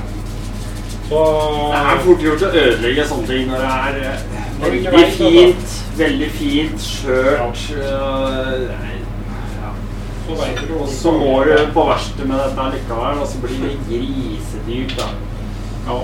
eh, På 2000, midten av 2000-tallet så, så hadde jeg noen smertefulle erfaringer forskjellig. Ja. Da skulle jeg prøve å lage meg VM-dempere sjøl, vet du. Ja. Så det er litt artig hvis du ser de dempere der, da. Mm. Det var jo fra tida hvor jeg eh, kjørte i B-klassen. Ja. Og så i enduro og norgescupen, sånn, så, så de tre beste da, etter et år da, fikk pokaler da, blir tvangsflytta lite, elite da. Ja, ja, ja. Men da, må jeg kjøre med, Ull- da måtte jeg kjøre med Ullevålseter. Ja, det. Ja. Der hadde jeg ingenting å gjøre da. Nei. Men jeg kom aldri på siste da. Nei. Jeg skal være sjef. Nei, det er greit. Nå må jeg, nå må jeg ha noe verstingseksempler. Så de det der, det var det verste du kunne få tak i på den tida. Ja. Kjøpt og bygd for meg i USA. Ja. Tør ikke å si hvor mye det kosta. Så ga jeg dem bort til fetteren min jeg oppgraderte nye sykler. Da passa ikke de. Han brukte dem. Han bare sa wow. Og nå fikk jeg av dem, da. Eh, han hadde dem stående, så det er litt sånn museumsgreier. Ja. Men faktisk så passer disse her på moderne sykler òg, bare med litt sånn småjusteringer. Mm. Det er litt artig. Og inni der, der er det mye rart i forhold til sånn standard. Ja. Så det, var, det er litt stilig, da. Så, så det er, eh, de der eh, fikk jeg bygd i 2007. Ah. Sånn. Ja, det er Altså, jeg ser eh, Hvis du skal oppgradere, hvis du skal kjøre Hvis du kjøper en sånn 500 EXC, da, Ja. og så skal du håre opp den til å bli sånn ordentlig, den der verstinggreiene, så er det 70 000 pluss. Conval Nei, ikke 70. Ja, det er fi, altså 45, fabrikks... Ja, jo. det er fabrikksgreiene. Ja, factory, Jeg factory. veit ja. at det factory-greiene Da må du ha 70 000. kontrakter da, for å få lov til å kjøpe det. Ja. Hvem som helst kan gå og kjøpe Conval og Supertrack. Ja, sånn, nei, jeg snakker ikke om det. Jeg er vi, ja, nei, de nei, er det helt sjuke greier. Helt Ja. sjuke greier. Og jeg, for å være helt ærlig, Og det må du overhale hele tida. Hele tiden. Og eh, for å være helt ærlig, jeg veit ikke om du og jeg hadde merka noen forskjell. jeg. På, ja, altså, på originalt, ja. Men la oss si at du kjøper en Explorer 6500, da. Mm. Ligger på 11 12 13 000 kroner. Det er Ja. close cartridge. Ja. Fra der og til Conval og Factory, Factory Conval, det greiene der. På det nivået er ikke jeg. Jeg klarer ikke. Det er eh, Jeg merker eh, også forskjell på de close cartridge, da. Mm. Men de der, der sånn som jeg driver og kjører da, og humper på første, andre og tredje, opp til fjerde gir, merker ingen forskjell på sånn K-tek. Men når du går eh, ordentlig unna, må og skikkelig dempere må jobbe livet av seg for å holde bakkekontakten ikke sant, med dekket, eller dekket med bakken, da er de der i close da merker jeg at de henger mer med. da. Men uh, for rein enduro, da, nei. Det, det, helt ærlig, jeg syns nesten ikke det er verdt penga. Men jeg må, jeg må ha alt for å vite hva jeg prater om. Og jeg har jo Convar på sjuendetiden min. Der, de er fantastiske, altså. Når jeg virkelig står i ramma og kjører, eh, kjører litt for fort der. Det Fy fader, det fungerer bra. Men det er 50 000, da. Ja, det er det. Ja. Og nå er det jo noen jeg kjenner som har kjøpt standard 790 eller 890. Eller eh, begynt med 790, men flere 890 som har kjøpt med rallyløpere. Så, eller de som sitter på rallyen, da. Mm. Og betalt et mellomlegg på et eller annet sted mellom 40 og 50, da. Så ja. Sånn. Nå er innebeinet ferdig. Venstre. Da legger vi det der så lenge. Så er spørsmålet da Du hadde service på disse, disse for ett år siden, sier du? Ja, men eh, servicen gikk jo ikke ut på at de bytta simringer nødvendigvis. Nei, det er Hvis det det du originalt. Ja, det er originalt. Da, da har jeg egentlig sånn som regel at det eh, når det har gått eh, eh, to år da Jeg leverer ikke fra meg med ny innmat og brukte simringer. Nei. Det gjør jeg ikke. Nei. Her skal vi ha nye simringer og skraperinger. Det er ikke noe å lure på. Ja. Styringene måler jeg. Noen sier at ja, du kan se om styringene kan vise etterpå, om det blir slitt og sånn. Er nesten umulig å se. Du må måle dem med nærmest mikrometer. Ja. Se på beleggsjukkelsen og, og omkretsen, Ja. og sammenligne med nye. Ja. Og jeg veit nå hva det skal være på, hva tålebalansen er. Mm. Og jeg tror ikke fòringene eller styringene da, er slik på denne her eh, som er to år. Det tror jeg ikke. For det er, eh, hadde vært veldig hard kjøring på typisk crossbane, så hadde det vært utslitt. Ja. Ok? Da får vi ta også legge den side her. Gjøre rent litt bedre enn hva du har gjort. Renslighet, viktig. Ikke ha noe grus å drikke ned her nå, vet du. Sånn. Tar vi litt luft der. Og så Har du brukt disse noen gang, eller? Nei, jeg har ikke det. Nei. De er veldig fine, for det gir en liten sånn pekepinn på Ja. Du, du vet da, la oss si eksempel da, du skal kjøre Kjøre da, la oss si de som kjører en, en duo eller cross da. Da skal demperne dine bolle minst en gang på banen, Du har ikke fått brukt potensialet. Sånn er det man tenker. Hvis liksom du kjører og ringen din står alltid her oppe, da har du 10 cm ubrukt vannkrysser. Ja, ja, ja. Og det er bortkasta. Ja. Da må vi gjøre noe, så du får brukt mer. Da demper det bedre. Så um, Ja, for det, det, det du snakker om nå, det er den eh, røde Hva er det vi kaller det? En O-ring, rett og slett, som sitter nederst av, eh, på innebeinet. Som du kan trekke opp. Ja, ser du det? Du har noen slitasjer her. Det er nok møkk inni her. Skal se bak her nå, da. ikke sant? Ja. Se her. Har det ligget noe møkk å gnusse på. Det skal vi få vekk. Ja. Ja. Og den eh, ringen som jeg har begynt med, den, den kan du trekke helt opp eh, til støvringen. Og så når demperen da komprimeres, så skal du se hvor langt du komprimerer den. Ja. For den vil jo bare skyve, skyve den O-ringen nedover på, på innebeinet. Og det er kunde inne som han sto nesten midt på hele tida. Han kjørte jo bare grusvei sånn, og syntes det var så stiv. Sendte den ut på en tur. Og, og også her hvor det er gress, da. Og la noen sånne stokker og litt sånne ting. Her, det, du ser det når du drar. Eh, og han var en liten fyr, vet du. Og eh, han hadde sånn 15-20 cm igjen. Da var det å få på eh, både mjukere fjærer, Ja. men fjærene har kun funksjon å holde sykkelen oppe Ja. til du møter en hindring. Ja. Når du smeller i noe fæle greier, spiller ingen rolle om du har 5-0 Newton eller 6-0 nå, spiller veldig liten rolle, for det er så fæle krefter. Da er det hydraulikken og timen som hjelper. Ikke sant? Mm. Så eh, fjøra skal bare holde deg oppe Mm. i angrepsposisjon. Har du for myke fjører, henger for langt ned, da har du allerede mindre vandringsvei før du treffer da, med stokken eller rumpa. Ja. Ja, og så, eh, så tenker folk ah, Og da føles den veldig stiv ut. Så sier de 'jeg må mykere fjører, sier du. Nei, det er feil. Du veier jo allerede 95, du noen ha mjukere fjører. Ja, men det er noe feil, han er så stiv. Nå må ha stivere fjører. Mm. Så du kommer deg høyere opp, Og da har du mye mer å dempe på. Og da, så, da setter jeg på stivere fører. Er- Noen ganger begynner nesten å krangle. Ja. Og så sier jeg du skal få igjen penga hvis ikke du er fornøyd. Ja. Ok da, ok da, ok da, jeg får stole på deg. Mm. Ja, det bør du så etter. Jeg driver med mange år. Mm. Setter på stivere fører, Ja. River dem høyre, Ja. svinger dem bare rundt på noen testområder. Ja, kommer de ned og bare gliser fra øre til øre. Herregud, hvor mjuk han ble å kjøre. ja. Ja. Ikke sant? Det er motsatt av det folk tror. Og det er interessant. Ja. Det er veldig interessant. Tenk deg, jeg veier jo 110 kg, Ja. så jeg må kjøre liksom ikke et knepp stivere fører. Jeg er på sånn fire-fem knepp stivere fører. ikke sant? Mm. Tenk deg hvis jeg skulle kjøre originalt, da henger jeg mer enn 50 vet du, setter på sykkel. Ja. Har ingenting å dempe på. Nei, det er ikke noe igjen. Ingenting igjen. Da blir den stiv, da. Mm. Hele tida går ned i hydrostoppen jeg viste deg. Ja, ja, ja. Den som bremser den der koppen der. Bare kjennes ut som Nei, kjennes ut som øh, sånn MotoGP-sykkel, vet du. Mm. Ja. Mm. Ok. Da skal vi se litt inni her, da. Denne sånn som det ser ut i skraperinger og tett, tetninger og sånn. Da skal jeg få dom. Nei da. Det er fint hvis du tar ned skraperingen en gang iblant. Ja. Gjør jeg ikke inni der. Eh, for mellom skraperingen og tetningen, Ja. der samler det seg mørk. Mm. Og det, de merkene vi ser på innebeidet her nå, sånn slitasjemerker, Ja. det kan hende at det ligger noe størkna leire der nå. Ja. Så dette er bare ned med en skrutrekker. Mm. Jeg har noen spesialverktøy, men skru, en fin, fin skrutrekker. Mm. Ta med deg det greiene der. Mm. Gjør en på sånn, da. Ja.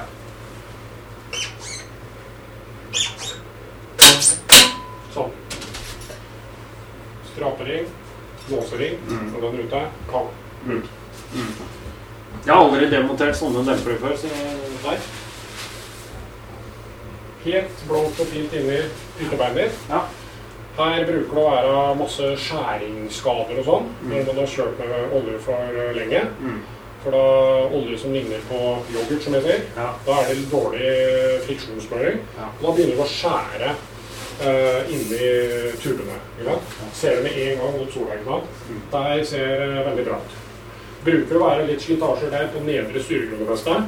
Det er det her òg. Mm. For når du klemmer her, hvis du klemmer til med for mange newton på nedre styrekrone, Ja. da beveger ikke innebeinet seg. Veldig riktig. Ja, ikke sant. Det der kan vi ta, ta få med litt mer i klartekst. Fordi um, det står meget nøye beskrevet Ja. uh, i uh, servicehåndboka di hvor mange newton du skal dra til uh, klammerne Ja. eh, i styrekrona uh, på hver enkelt bolt, skrue. Og så er det vel Akkurat som med alle andre ting, så er det sånn Ja, er ikke det tid? Er ikke dette sånn og slik? Det, vil du Er du enig, eller vil du si at det er nesten det viktigste stedet å dra til Yes. riktig ned Newton på hele sykkelen, nesten? Yes. Hvis du overdrar, da beveger ikke demperen seg, den klyper. Ja. Både ødelegger, og han er treig, og han demper ikke. Og din, eh, du har jo freste styregrad på husbarna. Ja. 17 oppe og 12 nede, eller er det 17-15 eller noe sånt, tror jeg. Husker ikke jeg. Det er litt mer enn de der støpte billiggreiene jeg har på KTM, da. Ja. Hvis du drar for mye på den nedre styrekrona, Ja. det kunne jeg vist deg, men det har vi ikke tid til, Nei. da, da, da går ikke innebeinet ut. Nei. Det gjør jo det med masse kraft, men da, det, det, det, det sliter kan du si, hver gang. da. Ja. Heller, for å være helt ærlig, da Det er sånn eh, Er det 2015 eller sånn på KTM? Jeg skal slå opp her. På, på dine står det jo banka inn. Ja. vet 17-12 eller noe sånt. Ja. Ja. Heller da sett 17 oppe. 11 heter det. En, en mindre. Ja. Ja. Eller mindre enn mer. Heller mindre. Ikke mer. Mm. Det finnes veld, veldig mye YouTube-videoer Mm. Hvor folk som selger sånne her ettermarkedsstyrekroner, triple clamps, vet du. Ja, ja. Og de som har tre sånne fingre og tre skruer ja. som griper rundt på en annen måte, de kan skru til liksom 30-40 newton, og enda så bare detter innebeinet ut. Det er kjempebra da. Fordi at de har en jevnere fordeling på en måte. Det er sånne som har to pluss én finger som går sånn rundt hverandre med skruer på overalt. da. Det har ikke vi. Men du har bedre styrekroner enn hva jeg har på. Ok. Jeg måtte da ha kjøpt en Six Days eller noe. Ja. Da får jeg freste. De er litt bedre. Og dette er veldig viktig, altså. Eh, akkurat på toppen eh, er det ikke så sensitivt. Nei. Den øvre styrerom er nedre. Veldig viktig. Nei, men det er fint. Godt å poengtere. Ja. Sånn. Der. Og da Du vil vel ikke ha noe annet enn det beste vel? Nei. nei. SKF Dual Compound. Det er en tokomponents eh, pakke med tetning og skrapering som SKF har lagd. Å ja. Og VP begynte jo å bruke SKF for noen år siden, eh, de. Ja. Eh, men de bruker bare sånn single da. Når de kommer med en sånn dual compound, som er både den oransje og grønne. okay. Og når jeg driver her og monterer dette og tester litt friksjon, Ja. så merker jeg, ser jeg det at det er mindre friksjon i det. Ja. Og det er klart, når du har mindre friksjon, Mm. da er det større sjanse for at du får inn en, noe urenhet og en liten lekkasje. Mm. Da kan du bare ta et søkerblad sånn og gjøre litt. Mm. Eh, I gamle dager, de her originale VP-tetningene, Mm. det er eh, liksom da når jeg satte demperen og åpna, så datt jo ikke innebeinet og sklei ikke ned engang. Du måtte liksom banke det ned. du skjønner? Ja. Mens nå med skau så blir det liksom bare bunk, så detter den ned. Ja. Og det er litt viktig. Mange triks har drevet med, vet du. Små skumgummiremser Ja. mellom tetninga og skraperingen, duppa i olje. Ah, som bare lå Ja, og smører. Ja. Og det, det har jeg gjort en gang òg. Merka ingen forskjell. Jeg også, det var bare mer å serve. da. Ja. Det viktigste er å ha kvalitetstetninger og skrapering. Sånn, gullende reint. Nå har du noen merker du, på dette her. ja, det? Ja, øh, du har noen slitemerker her. Ja, de der, ja. Ja, da skal vi se hva som skjer nå forsiktig her. Og hvis man skal Hvis man skal eh, polere vekk, da, Mm. så er det veldig viktig at er enten Jeg driver og bygger meg en eh, forlengelse på dreiebenken så jeg kan snurre den rundt. Mm. Du må i hvert fall ikke polere i lengderetning. Nei. Da får du oljekanaler som går fra øversida av tetningen og ned, som leder olje. Ja. Så du, det er sånn crosshatch-mønster, kaller de det da. Ja. Sånn på skrått. Perfekt. Ja.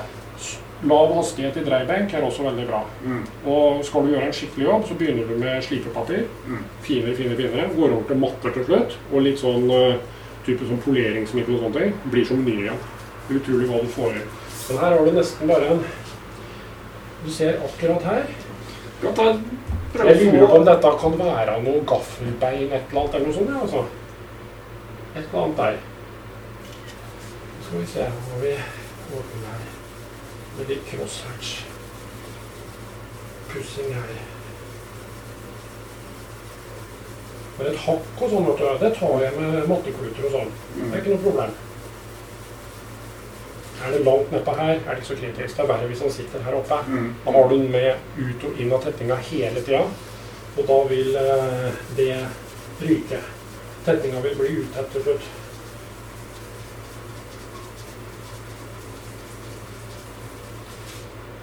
Men eh, det kan hende mest farge òg. Ja. Ja. Vi skal ikke drive og gå på for hardt her, altså. Nei. Og så kan jeg Men det var bedre. Ja, så kan jeg kjenne litt òg, forsiktig, forsiktig. Om det virkelig er bare Nei. Det er mest Det er noe farvegreier her.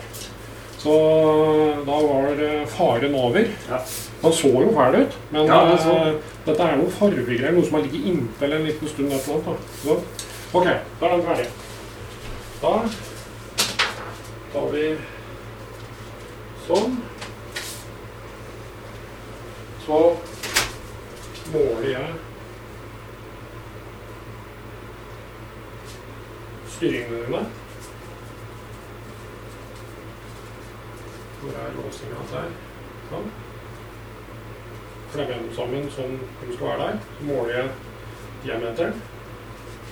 For som jeg sier, det er, det er nesten det er umulig å se. Du, hvis du kan se at ei styring er slitt, Ja. da er det skrot. Ja. Da er det for seint nesten. ikke sant? ja. Da har du allerede rukket å gjort mye skade. Du måler styringa i ytterdimensjon.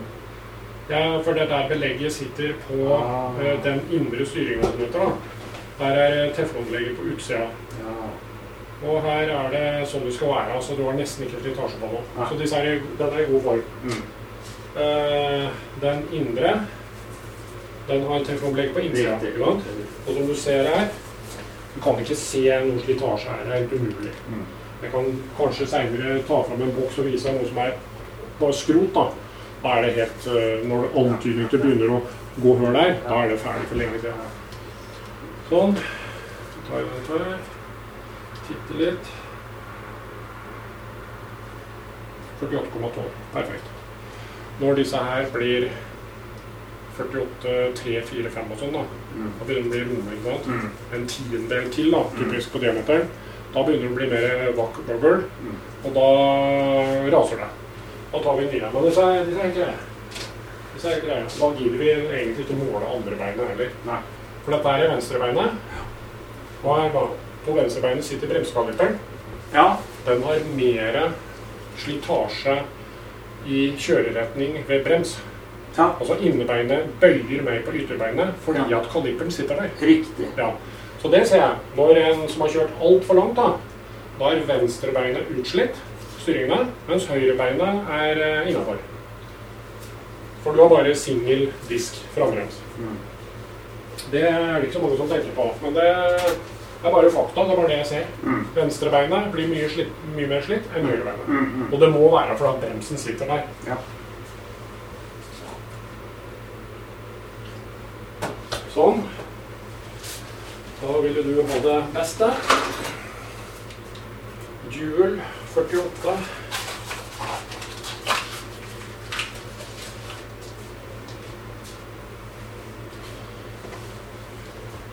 Gamle. Mm. Kjenn med fingeren her. Da kjenner liksom på hele greia. Det er skrapringen. Så kjenner du liksom på tetninga. Her er tetninga. Kan legge den der. Her er den nye tetninga. Kjenn på den der. der. Ja. Det, du merker forskjell. Mm. Ja. Men uh, dette er jo litt racing. Det er jo det du vil ha. Du vil ikke ha Nei, bare tur, blir- du vil, ikke bare ha turist. Vi først skal kjøre på. Først skal. Ja, ikke sant? Så her da er det de som skal gjøre dette selv. Dette går an å gjøre sjøl hjemme på benken. Ja. Og dette er ingen hemmelighet. Nei, nei. Når du skal tre For dette må jo Dette bytter jo folk hyppig. Eller Ja. ikke hyppig, men folk bytter det, da. Ofte. Det og olje. Men du skal ha over en skrapering og en tetning med veldig fine sånne oljetettelepper Ja. over inn på et bein med veldig skarpe kanter. Ja. Der bare dytter folk på, så har du ødelagt tetninga før de får på plass. Ja. Jeg har jo sånne spesialverktøy med alle mulige dimensjoner. Her kan du bruke en brødpose eller noe sånt. Bare tre over, så sklir på. ikke sant? Ja. Der eh, gjorde jeg meg arbeidsleder. Nei da. Nei, altså, fordi at det er sånn som olje og tetting og det kan folk gjøre, og, men, det, men det er mange som Folk har ikke tid, da. Man har ikke tid. Og så er litt griseri og sånn. Du må jo kjøpe inn en del ting, da. Mm. Faktisk litt spesialverktøy og sånn. Mm. Men jeg kan gjøre det for dem, jeg, vet du. Sånn. tar vi på sånn. Skrapering. Sånn. skal vi nå helt fint på der. Yes.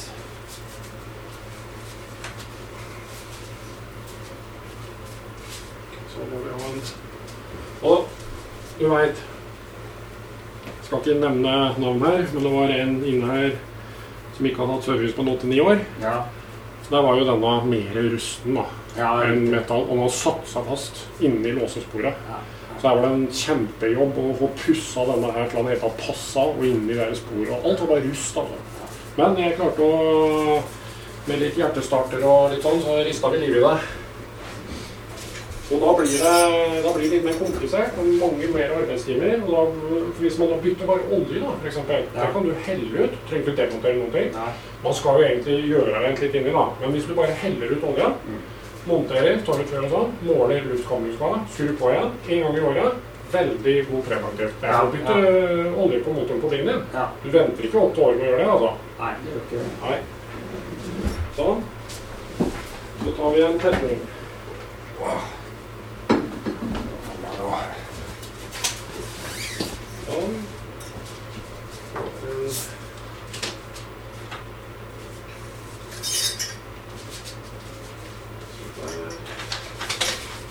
Men nå i løpet av vinteren som har gått, da, Ja.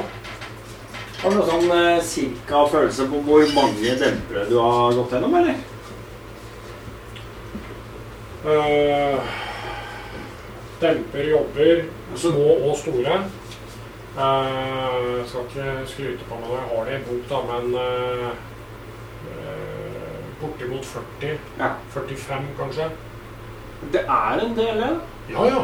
Og så, Jeg veit ikke hvor mye jeg har påvirka dette miljøet, da, men å poste litt skrekkeksempler og sånne ting, så får folk litt sover litt dårlig om natta. Og da, for at jeg tok jo bilder av noe helt forferdelige greier her. Og da, da Da begynte folk å sende meg meldinger. Oi, liksom. Jeg har ikke hatt service på åtte år og fem år og seks år og sånt. Så har de, mange har sendt i post. Mm. Eh, veldig mange. Og noen har vært her òg med sykkelen. da. Levert sykkel, dratt igjen. Og noen drar til Sverige og handler litt mens jeg gjør det. og sånne ting. Mm, mm. Ja.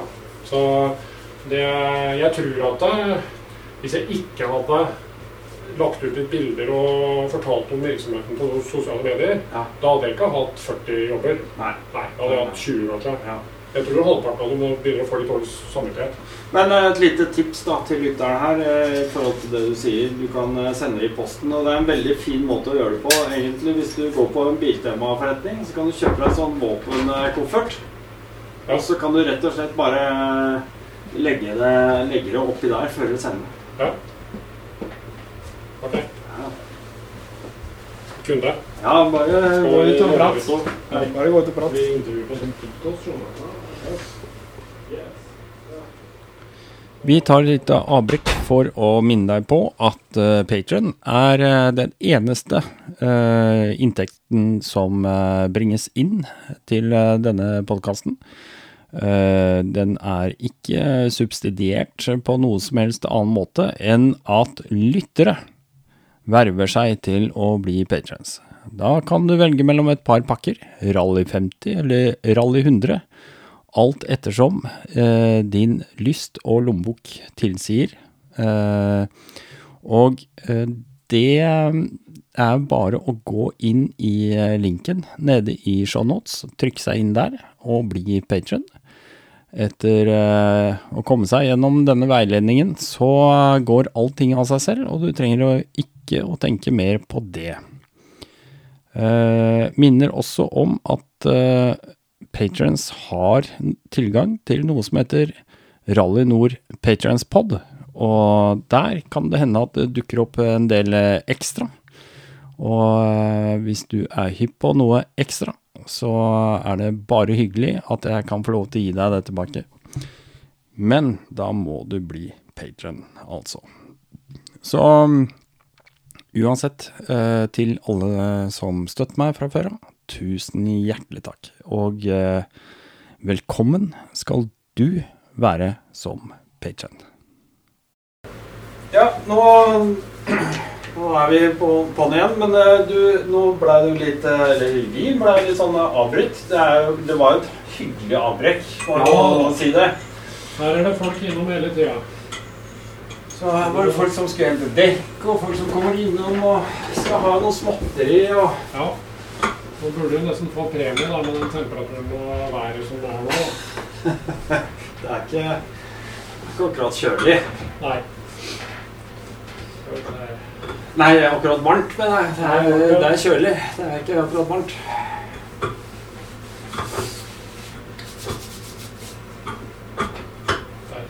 Sånn.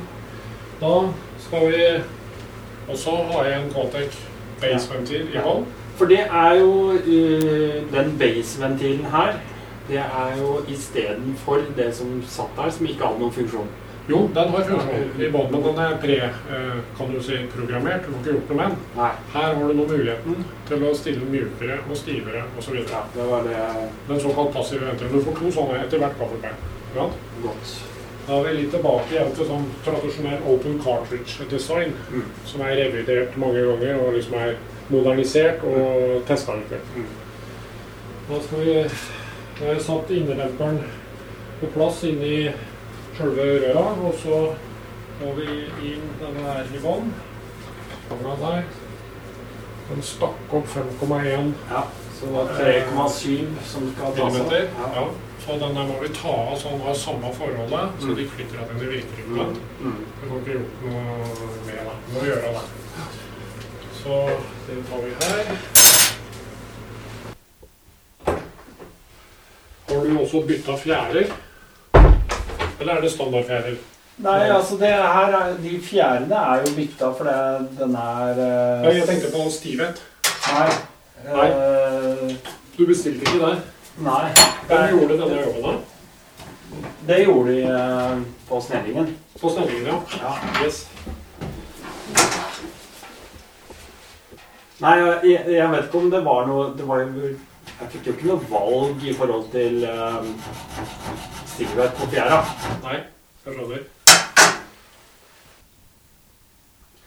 Ja, nå er vi nede på feinschmecker-nivå her. Tiendels millimeter. Ja. 3,6. Det er Det er ikke mulig å få det mer nøyaktig enn 3,6. Nei. 0,1 millimeter. Det er liksom ett eller to klikk, da, så er du på 0,1. Eller ett. Ikke ett klikk, tenker jeg nok.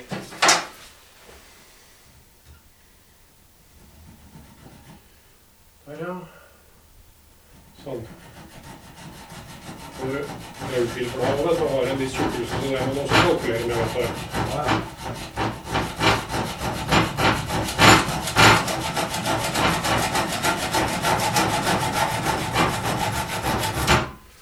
Sånn. Perfekt. Har vi runda den litt.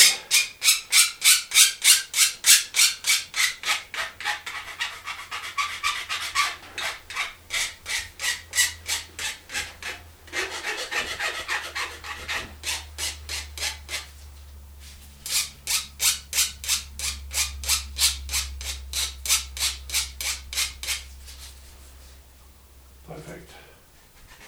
Blir det samme justeringa på andre, eller? Jeg, jeg, jeg tror det. Vi måler. Ja, ja, Ja, vi måler. Vi tar ikke noe tilfeldig her. Nei, nei. Sånn. 5,17. Ja, 0,07 millimeter. ja det stemmer. Ja. Den tror jeg vi sier er innafor. Vi klarer med det. Vi klarer det. 700-dels millimeter. Nei, men det skal være nøye. Ja, Skal være nøye. Vi leker ikke i butikk, som det heter. Sånn. Skal vi se om jeg Nei, Refleksen din den irriterer meg nå grenseløst her. Men uh, den, jeg bruker en napp av noen når disse endurosyklene kommer. Ja, ja, ja. Da, du skal ikke ha refleks på den endurosykkelen, så jeg vet at den er bare i veien for meg. Men uh, her skal du få lov til å ha den, da. Jeg skal få til dette, skjønner du. Må bare demontere litt spesielt hver gang. Nå skal den ut først. Da har du valget, da, vet du, Dennis. Reisolje, Ja. som blir fort kontaminert. Nei. Nei, som, som gir i teorien da, litt mindre friksjon. Ja. Men da må du hit hver hver helg du har vært på Finnskogen, Ja. eller annenhver helg, og bytte olje. Det skal, bruker vi ikke. Jeg, bruker, jeg har gått over til Liqui Molly fem, fem vekt eh, weight light-olje. Ja. Kjempefint. For den derre Kayaba-olja, som er litt mer sånn reis, da, som Mm. mange bruker, den, du- den trekker til seg så mye fuktighet. Ja. Og den blir veldig fort kontaminert. Mm. Jeg ser det sykler som har gått bare 20-25 timer, Mm. så ser jeg mye mer kondensert enn andre over. Og jeg med dårlige sånne luftnipler i tillegg, eh, som ikke har Inntil jeg får bytta om til de originale skruene igjen, skal ikke ha det. Nei, ok. Den er grei. Sånn. Så er dette litt spesielt nå på gafla dine, da. Du sier at de er senka 40 mm. Ja. Ja. Så det vil si at du må måle annerledes, eller trekke av 40 i forhold til det målet du Nei da, for det at eh, i en demper da, så har du olje, Ja. og så har du litt luft på toppen. Og det er en såkalt eh, airspring. Så når du begynner å Ja. komprimere den, så Ja. vil det luftkammeret da, bli komprimert mer og mer, så får du en luftfjør. Mm. Der kan man variere oljemengden i demperen, så du får et større luftfjør eller mindre. ja. Eh, de første 30-40 prosentene av stroket når han demper, Mm. der merker du ikke så veldig stor forskjell, men det er mot slutten, Mm. hvor du skal komprimere den der luftmengden. Da. Ja. Den vil bli veldig mye mer progressiv Ja. hvis vi har mer olje oppi og mindre luft. ja. Så det er, en sånn, det er sånn typisk hvis gafla dine bånder, Mm. så kanskje du har oppi en 10-12 milliliter olje Mm. på en sånn 48 VP. Det tilsvarer ca. 12 milliliter tilsvarer 1 cm mindre luftkammer. Mm.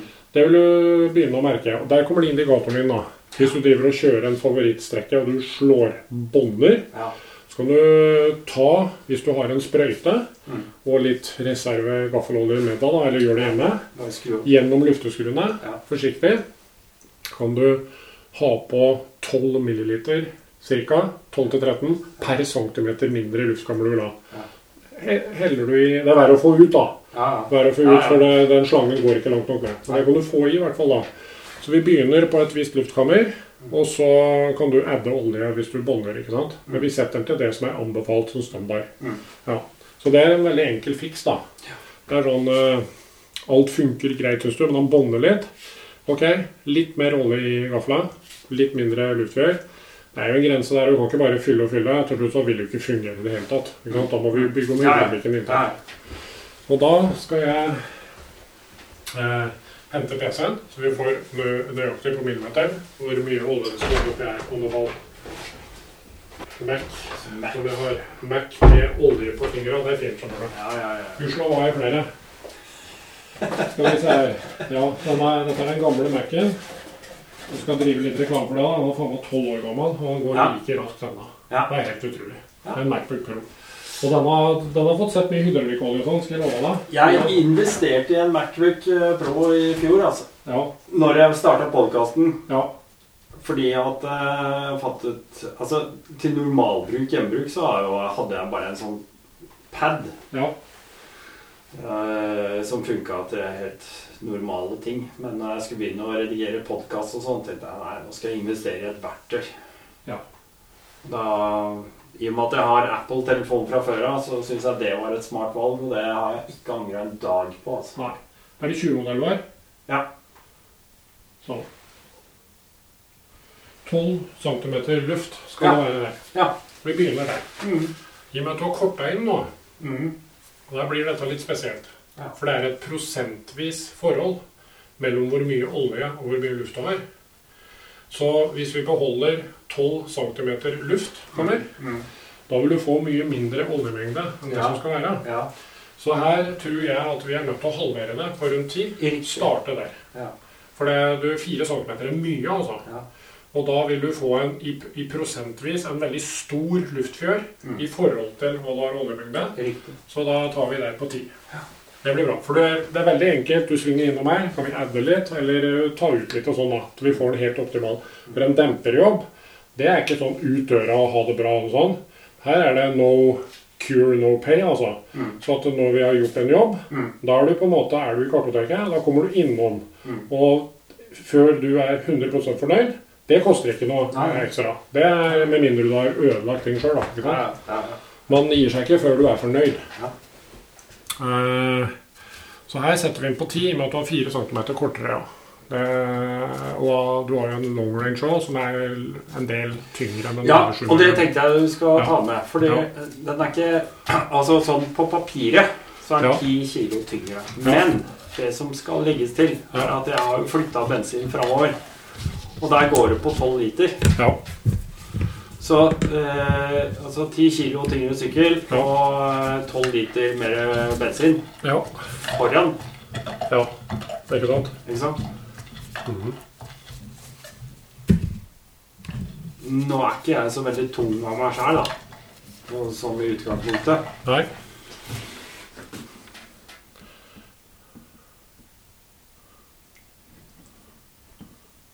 Da er det faktisk Det er helt utrolig, men sant. Det er viktig å fylle den stanga i midten med olje. Ja. Ellers så tar den ikke ordentlig tak på returen. Her må det ikke være noe luft nå. vet du.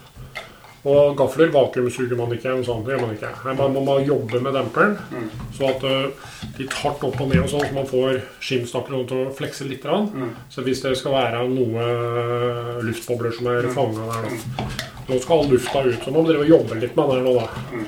Nå kjenner jeg at den tar i begge veier.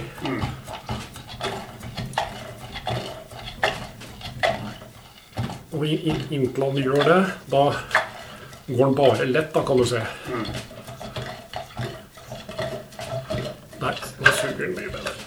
Nå kjenner, kjenner du det? Ja. Nå, nå du hørte lyden ja. ble annerledes også? Ja, Nå har den begynt å ta skikkelig i stanga her. Ja. Nå er du ordentlig rett Det var et eller annet som skjedde, og så plutselig så ble lyden Og da ble det plutselig mye mindre olje nedi her. Ikke sant? Så her må vi fylle på. Stanga er veldig viktig. Innedemper og fylle opp den, så den får ild, olje intravenøst. Mm. Eller så kan vi stå og lufte og lufte, og ingenting skjer. Mm. Her er det noen som får seg en overraskelse. Ja. At de bare fyller, og så gjør de litt sånn opp og ned, og så skrur de igjen. Mm. Kjører de litt. Så har du ikke 10, da. Da har du Da er 16 16, skammer. ja. Og så ringer de og sier Eller altså Jeg vet om det, men Å, fader, han har blitt så mjuk. Mm. Ja. Og nå hele returen er med her nå og jobber, ikke sant? Mm. Nå virker dette som det skal. Så det er godt tegn at det ikke renner olje ned på gulvet. Da er alt tett her. sånn. Der, ja. Og da Nå har jeg fått ut lufta på den. Topper den opp litt, så det er litt mindre enn eh, ti luft. Der tror jeg. Sånn. Titte litt nedi. Ja. Å ja, det ble litt vel mye nå, da. Greit. Så setter jeg i stanga. Nå skal den Skal du se at det kommer opp olje her nå. Ja. Er det Ja, toppen? ja. Var det inni den stanga helt full. Nå ble det litt Nå ser du alt altfor høy. Nå må jeg jobbe på ventilen der. Sånn. Sånn dette. Ja, ja. Den ventilen går inn i lille hullet der. Ja. Og nå er det 5,1 mm der. Helt perfekt. Ok? Mm. Nå er det litt vel mye. Var litt raus ja. Nå har vi et veldig fint verktøy her. Bare stille inn der Bare suge opp eh, på riktig på 10. Og så suger vi opp. Dette er jo sånn de solgte på Biltema og sånne, tror jeg. Ja. Den der, ja. Faen, egentlig irriterer meg at jeg kutta ut det så mye av det sortimentet sitt. De hadde mye rart på Biltema som var genialt. Ja. Mye rare, kule Ja, ja. ting. Og mye bra, og noe dårlig. ja, selvfølgelig. Ja, Altså, jeg det- savner Biltema som jeg- dårlig. jeg. Mener jo det, at folk må jo bruke huet sitt litt sjæl, da. Ja. Man kan bare si at eh, du har kjøpt en skiftenøkkel for sju år siden, og den knakk med første hjulbolten du skulle dra av, Ja. og så si at Biltema bare er dritt. Altså, du må jo se hva slags bruk du skal ha det til, og øh, om det fungerer for deg eller ikke. Sånn, nå har den satt på ti. Ja. Nå får det ikke blitt øh, en millimeter gærent engang. Sånn. Og så alt, Hvis du ser bortsett fra alt det spesialverktøyet jeg har da, for flere tusen kroner, det som er helt vanlig verktøy, Mm. stort sett Biltema. Ja, ja. Ja. Jeg har ikke klart å skrufille en Biltema-ting ennå. Ikke heller. Ikke heller. Ok, noen Torx-skruer og sånn. Der uh, Bits blir ja, slitt. Bits, ja. Det eneste jeg merker, altså, ellers så syns jeg Biltema er helt ok. Sånn. Da skal fjøra ned. Da må vi forte oss. Og nå står vi den der. Husker du i stad? Så datt jo bare den ned. Ja, Den hadde hadde ingen middelvei. stemmer. Så her er, hadde vi ingen motstand før. vet du. Ah, Nei. Og nå har jeg reparert denne her. Ja. Den hadde hoppa, den der piggen. Oh, ja. Ja, Det er typisk at når du da kommer til veis ende Ja, så skrur du du av du til. gjenga. Da hopper den. Den hopper av et sånn hakk inni her. Ja. Den er ekstremt komplisert å demontere og reparere med deler da, hvis du ødelegger alt. da. Ja. Men trikset er å gjøre noe her, da, som jeg vet også du får den, får den på igjen. da. Så nå går den ut og inn, som jeg skal gjøre. Så ser du han kommer Ja, lenger ut. Ja, Så tar vi den inn. Men det er liksom Ja. Da, det er det viktig at man, når man tror at man nærmer seg enden, at man ikke driver med liksom 100 newton og For da klunk, så skrur den av. Mm. Da hopper den av. Da setter jeg den da Nå er det bånd, To klikk inn bare. Får den langt opp. Da får jo minst Ja, motstand jeg driver her. Lett- lettere å få på. Sånn. Mm. Det var, det var godt du sa. Så der, der holdt jeg på å gjøre ei tabbe, Dennis. Jeg tenkte meg at du har jo ikke preload-justerer du på toppen på den her. Du har ikke det. Den, eh, det er mye, mye fint utstyr på Husqvarnaen. Eh, sånne eh, ja eh, freste kroner og sånne greier. Mm. Men det er ikke forspenning-justering. Så det må du da ta med plastikkskinn. Og disse lå under her, nedi der. Så de holdt jeg på å glemme nå. Det ser alltid liksom her, her på benken, da. Og fordi at på en KTM, der Eller de fleste andre sykler jeg skrur på, da, har, du, har vi preload her, som du kan justere da, ikke sant. Men det har ikke du, så dette må vi styre med, med plastikkskims i stedet. Og der gidder ikke jeg legge meg borti eh, hvor mye de fabrikken og snellingen og sånn har forspent dette her. Det må vi bare stole på er riktig. Ja.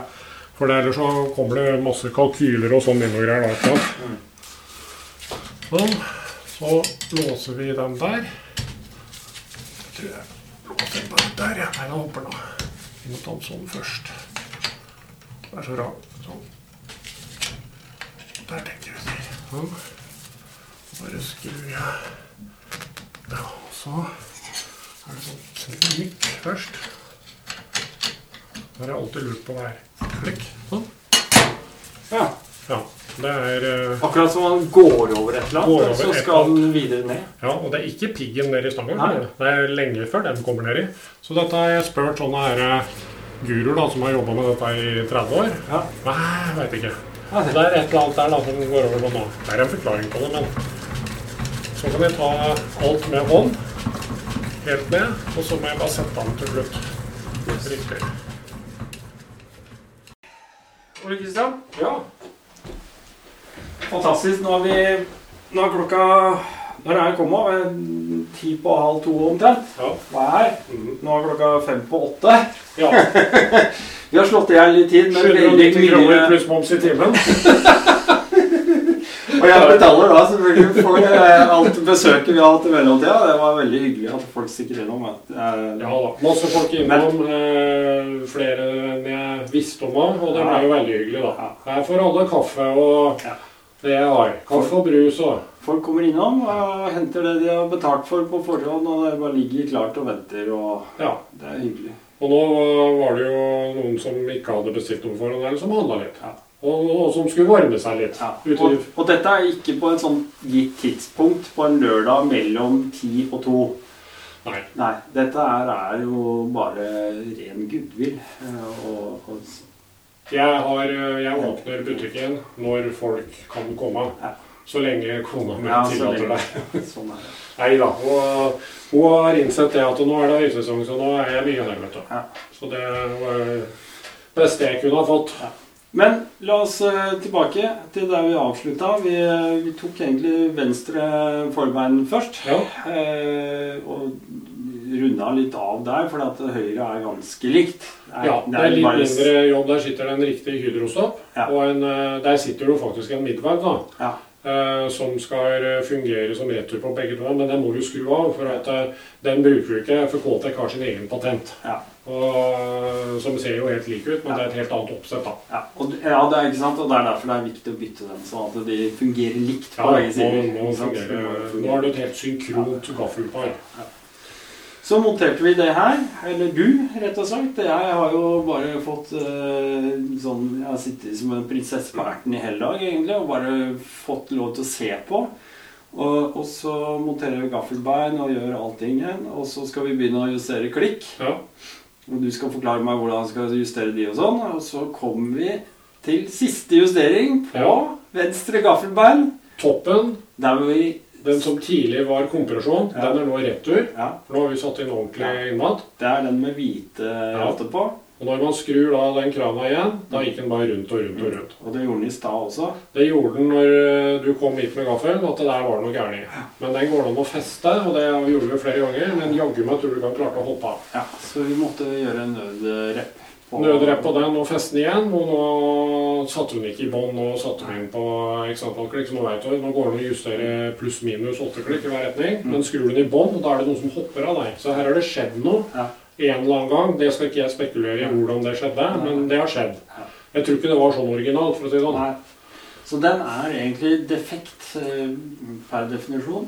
Men Men den virker fordi at vi har bare nå har skjønt at vi må bare forholde meg til en viss justering og har så og så mange klikk å gå på Ja. før den eventuelt hopper av igjen. Nå kan du skru en fire, fem, seks til eh, inn, men det, er så langt skal du ikke. Nei. Men du kan det, men hvis du skrur sju, åtte, da kommer du i bånn, og da vil den hoppe av og gå bare rundt det. Ja. Så, men det kan være Dette her har ikke jeg visst, ikke sant? I utgangspunktet. Har ikke jeg visst at det har vært feil på den her. Så det kan være mange som har defekte sånne, da. Ja da. Og det ser jeg rett som det er. Ja. Eh, typisk da, det skjer, det er de som har justerbar preload. Mm. Så har de drevet og køla litt sjøl. Mm. Der må du, må du vite hvordan du løsner de lokka. Ja. For hvis du da skrur på den som du har da, Mm. rundt med en sånn 50 mm nøkkel, da skrur du bare rundt, så henger preloaden igjen. Ja. Og da den, den virker på den klikken, og da hopper det av, og da, da, detter, den, da detter den piggen ut av posisjonen sin. Og da kan du rett og slett ødelegge litt, da. Så du må ha en annen Du ser den der spesielle nøkkelen som ligger bak her.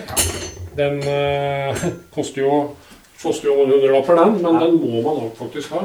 på de der. Men du har ikke det. Så jeg veit ikke hvorfor dette har skjedd på din, men eh, greit nok. Ja. Det funker nå. Det funker. Bare ikke skru ned til bånn. Ja, og jeg veit om det. Det er Ja. viktig. Sånn er det. Du, så har vi prøvekjørt. Vi har prøvekjørt, og du prøvekjørte. Nå kjenner jo ikke du sykkelen min i utgangspunktet, og visste vel egentlig ikke da- Nei. hvordan han var heller. Nei. Uh, så det, det er jo vanskelig for deg å bedømme, men du justerte inn Vi begynte med 14 klikk, og så har vi Og returen, ja. Ja, så endte vi på 10. Jeg merker det, for jeg har lagt ut noen stokker og sånn her på Ja. greier. Og man, du kanskje ikke kjører over så mye stokker med en 701 LR, LR på fjerdegir. Men på endurosykler bruker jeg teste og vi merka at han var litt spretten foran. Ja. Eh, Så vi satte den på ti, og nå er den stum og fin. Ja. Og nå fikk jeg den K-Tech-feelingen. Ja. Men du prøvekjørte da? Jeg prøvekjørte litt. Jeg bare tok et par sånne små runder. Det har ikke vært noe full fræs, som det heter, men det har vært noen runder bare sånn Bare for å stoppe litt, kjøre litt, eh, kjenne på det. Og så har du en tæla som er i ferd med å gi seg ut på jordet her, så det Ja. ligger litt sånne isklumper under. Ja. Som på en måte gir den der vaskebrett-følelsen. Mm. Og jeg må si at øh, ja, det, det fløyt. Det fløyt. Det Det- den, den hadde ikke flytet sånn Nei. med den originale oppsettet. Det er det første man merker med dette KT-kittet, er at eh, liksom Jøss. eh, de småsteina, de vaskebretta sånn, Ja. de blir liksom blir Ja. Borte blir Ja. ingenting. Men det blir, liksom, det blir så dempa. Det blir liksom mye bedre. Nå har jo ikke jeg justert noe mer ut ifra dette, ut ifra hvordan jeg skal ha det i forhold til Ja. min kjørevekt, altså vekt og så videre og så videre. Så at det her er mye å gå på. Dette er jo bare den første innstillinga som vi har satt den på. Ja. Så det er klart at det her kan jeg sikkert justere til enda mer. Ja. Men uh, merka, merkbart mye bedre utgangspunkt. Og som jeg sier til folk da, at eh, noen driver og tar ett klikk og sånn, vet du. Mm. Det er, eh, Ja, det er På. VM-nivå så har de problemer med ett klikk, altså. Ja. Eh, kjenne forskjell. Noen vil gjøre det. Jeg har problemer med det. Ja. Når jeg først skal ta noe for å liksom kjenne hvilken retning du skal gå, Ja. for å få signaler tilbake, Ja. da er det tre-fire klikk igjen. Mm. Eksempel under, da. Nå, nå kan du justere kompresjon under i gafla. Ja. Bare eksempel bare skru fire klikk inn. Bare skru igjen krana fire klikk. Ja. Det, er, det er ganske mye på en K-tek, altså. Ja. For her har du, her har du Den er mye mer følsom Ja. Ja. Og da, da merker du Oi! Ja, nei. Ok, så tar du tilbake igjen. Ja. Greit. Ok, nå var det sånn det var. Så tar du bare to. Mm. Ikke sant? Så kan du ta to-tre andre retninger. Sånn, da. Mm. Ta litt større gap først, Ja. og så tilbake alltid. Du må aldri rote på bort eh, Nei. oppsettet, og så skrive det opp. Huske det. Og så finner du til slutt en dag ikke sant? oppsettet ditt. Mm. Og det er stor forskjell på å kjøre grus enn å kjøre på en sandcrossbane. Du Ja. skal ha kjempetreig retur og holde igjen. Ja. Mens eh, når du ligger på vaskebrett på grus, så må du ha litt raskere retur. Så Mm. framdekket får tid til å legge seg nedpå igjen Mm. når du har, når du har komprimert. akkurat. Mm. Hvis, ikke, hvis du har for treig retur når du kjører grus, da vil du få washout. og Da, da, Ja. drar framhjulet ditt. Ja, ikke sant? Ja. Det er en jævla ekkel følelse. Det er en ekkel følelse. Ja. Og noen ganger så er det litt rart det også, at eh, man, ok, han kjennes stiv ut. Nei, man skrur opp kompresjonen. da. Mykere mykere. mykere. Ja. Nei, da, det er ikke sikkert at den eh, det, det, det kan noen ganger være andre veien. At du må faktisk stivne opp litt, så han står imot litt mer. da. Så han ikke går så fort ned. Ikke sant? Ja. Så, at han, så han ikke slipper gjennom for mye olje med en gang. For da, følelsen, for da begynner fjøra di å virke. Da vet du. Ja. Da begynner den å bli komprimert, og luftfjæra di. Så da vil den føles stivere. Så noen ganger, så hvis du tar det et par knep stivere, da vil den føles litt mjukere òg, faktisk. Da er det mer kontroll. Mm. Ja, for det er det man syvende og sist egentlig er ute etter. Det er å hele tiden ha eh, kontakt med underlaget. Ja, det er Som- det som- som er muligheten. Ikke noe annet. En jevn kontakt med underlag Ja. som gir deg bedre kontroll. Ja. Det er jo det vi egentlig er ute etter. Ja. det det? Er det der du skal ha gummikontakt med underlaget hele tida. Og uten at chassiset ditt blir slengt opp og ned. Mm. Har du fått til det? Da Du har sett disse Baha-trucka som kjører Ja, luft? det det er artig å se på. Det er morsomt. De gutta der har drevet noen timer med oppsett av denne. er. Klikker de litt feil, da spretter den der Ja. Baha-trucken til himmels. Ja, ja. Ja, nei, så Det er moro å se hvordan ting kan virke. da. ja, det er det. er Nei, så det, er, det er det som er litt fascinerende. da. Jeg har ingen dynobenk og sånn, kan teste dette her med datamaskiner og sånn. Det, det begynner på liksom sånn 140 000-50 000 kroner da, for en sånn maskin. Dit kommer jeg kanskje aldri, tror jeg. For å være helt ærlig. Men jeg har veldig mye gode kontakter som kjører dynokurver for meg på bestilling.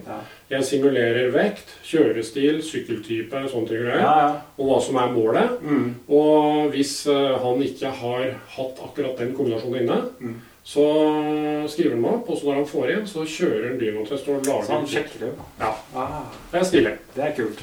Da ser du det når han bytter ut et skims, da. Ja. Med, det er mange forskjellige skimstyper, som vi ser. Men eh, la oss si at han bytter det vi kaller en clamp-skim. da, Mm. Som egentlig den, den, den stiver opp eller myker opp hele pakka litt. Så Mm. ser du det med en gang på kurvene, Mm. på utskriften eller på dynotesten, hvordan dette er vil være. Og Du vil kanskje ha en brattere kurve. Han skal være mye mykere til å begynne med, men så skal han rampe opp. liksom, Han blir Ja, ja. veldig stiv mot slutten. Ja. Det går an å Og dit har jeg jo egentlig kommet nå, da, så jeg veit sånn cirka hva jeg skal gjøre da med skinnsaken. Det krever veldig mye testing. Ja. Derfor har jeg tre sett med gafler som jeg hele tida roterer på. Tester forskjellige ting. ikke sant? Ja, ja. Og det tar mye tid, altså. Ja, ja, ja. Og det er ikke bare ut og kjøre rundt huset her engang. Altså, da trener jeg med det Ja. i, i noen enduroløp og sånn. Og bruker det kanskje en ukes tid og sånn, Mm. og klikker litt og sånn. Greit, har det. Og så bytter jeg så Kanskje driver jeg og modifiserer et annet gaffelsett som er identisk, Mm. med et litt annet oppsett. Så bytter jeg gaffelet kanskje etter en uke, og begynner å kjøre litt med det og sånn. Og så endrer jeg litt med vilje til litt ytterpunkter for å se hva som skjer. ikke sant? Mm. Så um, det er liksom målet, da, at jeg kan ha med meg et sett gafler. da. Skal jeg være så dum en gang og melde meg på November K-sånn en gang i, i framtida? Der trenger jeg ikke gafler og dempere som står imot så fælt. Nei. For jeg kommer aldri på det nivået at jeg skal gjøre bra strekketider. da. Nei, nei. Jeg skal bare overleve og prøve å komme i mål med livet i hold. Og da kan jeg egentlig ha dempere som nesten boller hele tida, som bare svelger all den steinen og dritten. ikke sant? Men det kan jeg ikke kjøre med i norsk enduro et løp her, f.eks. Da, det, det går ikke. For, for jeg, da, i en novemberkvasa, jeg vil bare putte rundt på andre og tredje gir, noen ganger første til og med, ikke sant? og bare prøve å overleve. Og da, hvis du kommer der med et altfor stivt oppsett, da må jeg bryte. For da er skuldrene Ja, ja, ja. ødelagt. ja. Det er jo, det er jo akkurat det. Ja. det er akkurat det. Du å, når du begynner å fjære med overkroppen, med skuldra og albuer og sånt nå Og det er litt artig du sier, eller jeg sa det begynte på det, for at jeg har jo en testløype. Jeg merker det med en gang. Når jeg har bomma litt, så får jeg som til skuldrene etter en times tid. Ja. Mens når jeg er trøffig, Ja. da kan jeg sitte mye mer på salen, Ja. og jeg kan liksom jeg føler meg bedre i form, da. Ja, Og det er små detaljer, altså. ja det, det er litt viktig. Ja. Det er viktig at du sier. Det er det. ja. Eh, nei, men du, vet du hva? Jeg skal, som jeg skal gjøre, selvfølgelig, legge en eh, link i shownotes Ja. til uh, Backcountry MC. Veldig hyggelig. Der finner du alt det de trenger å lure på, og telefonnummer og kontaktinfo og hvor de skal kjøre til meg. Uh, bare punche inn på Google Maps, fant jeg ut i dag. Ja. Bare å punche inn uh, Jeg har registrert meg på Google Maps. Ja, jeg Så jeg kan jo si det til lytterne med en gang, da, at det er selskapet er registrert. Det er der jeg bor. Det er kontoradressen og varemottak og sånn. Ja. Der er ikke butikken. Nei. Du må gå inn på Google Maps. Jeg hadde jo en kunde i dag. Ja. To stykker. Den ene dro der jeg bor, til Skotterud. Ja. Og den andre har tilfeldigvis vært her før, så han kom rett hit. Okay. Nei, så det, det, det er litt artig. Nei, men Google Maps, der var det egentlig bare å punche inn, så kjørte jeg rett på. Ja. Og det må jo nesten bli en Det er jo andre, andre gangen jeg er med i podkasten. Ja, ja, ja. Så det må nesten bli en tredje gang, for vi rakk jo ikke å ta støtdemperen. Nei, vi gjorde ikke det. Nei, Eh, Det er mer eh, Det er, det er arbeid, det òg. det er ganske mye arbeid på en sjuerens med senke for å få løst den fra chassiset. Ja. Det er eh, muligens å brette opp bensintankene. Ja, pakka, det er litt trangt. vi må jekke opp litt. Det er mye mer demontering og, og Ja. Det er mye mer fikling. Og der har jeg sånn lurium da på boks. på lur Ja. som skal inn der. Riktig. Det er ikke Kotec. Nei. Det er noe jeg har utviklet sammen med to andre guruer. Ok. Ja. Ja. Jeg skal ikke påstå at jeg har utviklet noe. Jeg har testet for dem Ja. og gitt feedback. Mm. Og så har de endra litt. Mm. Og sånn. Så har vi kommet fram til et oppsett hvor jeg bare Jeg kjører det på meg sjøl, da. I en litt sånn en, en litt uh, mykere versjon på en endurosykkel. Mm. Men jeg veier jo 110 kg. Ja. Så at uh, han blir ganske stiv for det, da. Og jeg bare Jøss, er det mulig? Mm. Og da eh, Jeg skal ikke si at eh, jeg vil ikke merke noe forskjell på det jeg har nå og sånne supertracks og sånne dyre dempere. Det gjør jeg helt sikkert. Men fy fader hvor mye bedre det blei. Og herregud, det er så moro. Men det er akkurat det jeg begynner å si, altså, som jeg innledningsvis sier. Alle sykler, altså når du tar en sokk ut av butikken, har rom for forbedringer. Ja. Ikke sant? Og så kan du legge, du kan legge 5000, du kan legge 10 000, 15 20 eller 70 000. Ja. Og så får du det du betaler for, stort sett. da. Ja. Ikke sant? Så er det klart det. Og så er det litt artig, for det ligger ute en episode av han Nå er det jo Simo Kirsi, en gammel endurokjører. Han kjørte også HP2 før og litt sånn. Ja. Han jobber for KTM eller VP og er Ja. ansvarlig for alle oppsetta på alle endurosykler. Før det husker jeg ikke navnet på han. Han er, ligger ute på YouTube på intervjuet, hvor det er en sånn eh, eh, som intervjuer da, hvorfor de ikke gjør sånn og sånn, for er litt stive og litt stumpe fra fabrikken. Ja. Og det er litt poeng det han sier da, husk på det, vi selger millionvis av sykler. Ja. Vi kan ikke lage sånne superplush, soft eh, demper og sånn. Vi prater om trafikksikkerhet. og Det skal kunne, Ja. Du skal, plutselig er det en situasjon hvor det er bråbrev og sånne ting. og Da kan du ikke ha sånne supermjuke demper og sånn. ikke sant? Og Ja. da, vi veit om alle men sånn er det. Så får heller folk gjøre hva de vil ut ifra det. Vi må tenke masser, ma- alle massene, da. Det skal være et sånn middelpunkt hvor det er sikkerheten i høysetet. Så um, Jeg har hatt sånne supermjuke dempere før, jeg, hvor du nesten kjører det vet du, hvis du må bråbremse på veien. For det bare pakker seg helt sammen. vet du. Men det er fint i skogen, da. Kan være. Så nå er jo jeg en sånn uh, sausage and campfire-dude, da. Ja. Så- Sausage Campfire, ja. ja. Som han ene kontakten min utlendingen sier, ja. Og han eh, digger den kundegruppa, for de, eh, de setter så pris på endringer. Ja, ja. Og som han sier, at uh, jobbe med uh, proene det er veldig tidkrevende og vanskelig, og du blir liksom nesten, nesten aldri fornøyd. Dårlig med penger å hente der òg, ikke sant? Veldig bra. Ja. Ja, vet du hva, jeg gleder meg. Vi skal, jeg er helt sikker på at vi kommer til å prates igjen. ja. Uh, og da kan det jo bli spennende å se hva vi skal prate om da. Men uh, uansett, jeg gleder meg veldig. Ja. Og så ses vi Jeg har mange spennende prosjekter på gang, ja, men ja. det sier jeg ikke nå. Nei, nei. Det, Det det får se hva jeg rekker i har år. ikke tid til det heller. Nei. ikke sant? Så greit er det. Ja. Du, eh, er det noen siste ting vi burde ha med? Er det noe vi har glemt å si? Nei. Jeg bare sier det igjen, jeg. Eh, Et oljeskift på dempere, Ja. la oss si årlig. Tenk motoroljebil. Veldig preventivt. Du unngår at eh, tetninger og styringer og alt sånn eh, blir slitasje. Når du får partikler i olja di, Mm. så blir det mer og mer slitasje. Så liksom det akselererer så fort. Så kommer du liksom over the top. Og da begynner det å ikke bli service, men overhaling og reparasjon til slutt. Og det er så billig eh, liksom da å få inn ny olje og sånt. ting. Men, men. Folk må jo bare bestemme sjøl, men det er det jeg ser, da. Og, da. og da når jeg får inn sånne dempere som er åtte til ti år userva, da blir det dyrt. Ja. Og det, hvis du tar den summen og deler på ti år, så Ja. tror jeg jammen det er billigere å bytte olje hvert år. ja, Altså, helt klart. ja, det er klart det. Ja. Det er det. For da er det ikke bare tetninger og sånn. Da må du begynne arbeidstimer, masse arbeidstimer, og drive og, og få overholdt ting der, da. Ja. Prøver å gjøre det. Dreiebenken må kanskje brukes og sånne ting. ikke sant? Da går det timer. Mm. Men, men. Ja, men Da er det to viktige ting. Ja. Skift olje. Hold orden på støvringer og Ja. tetninger. Og så husk å dra til med sitt riktig Newton. Ja, styregrunnen er veldig viktig. Nå sitter innerbeinet fast. Skal vi avslutte med det? Ja, det gjør vi. Da sier jeg som jeg pleier å si. Ja. Shalawais. Shalawais. du har nå hørt en episode av Rally Nord podkast. I studio Dennis Travolta. Lydmiks av Dennis Travolta. Musikk av Dennis Travolta. Produsert av Dennis Travolta. Regi av Dennis Travolta.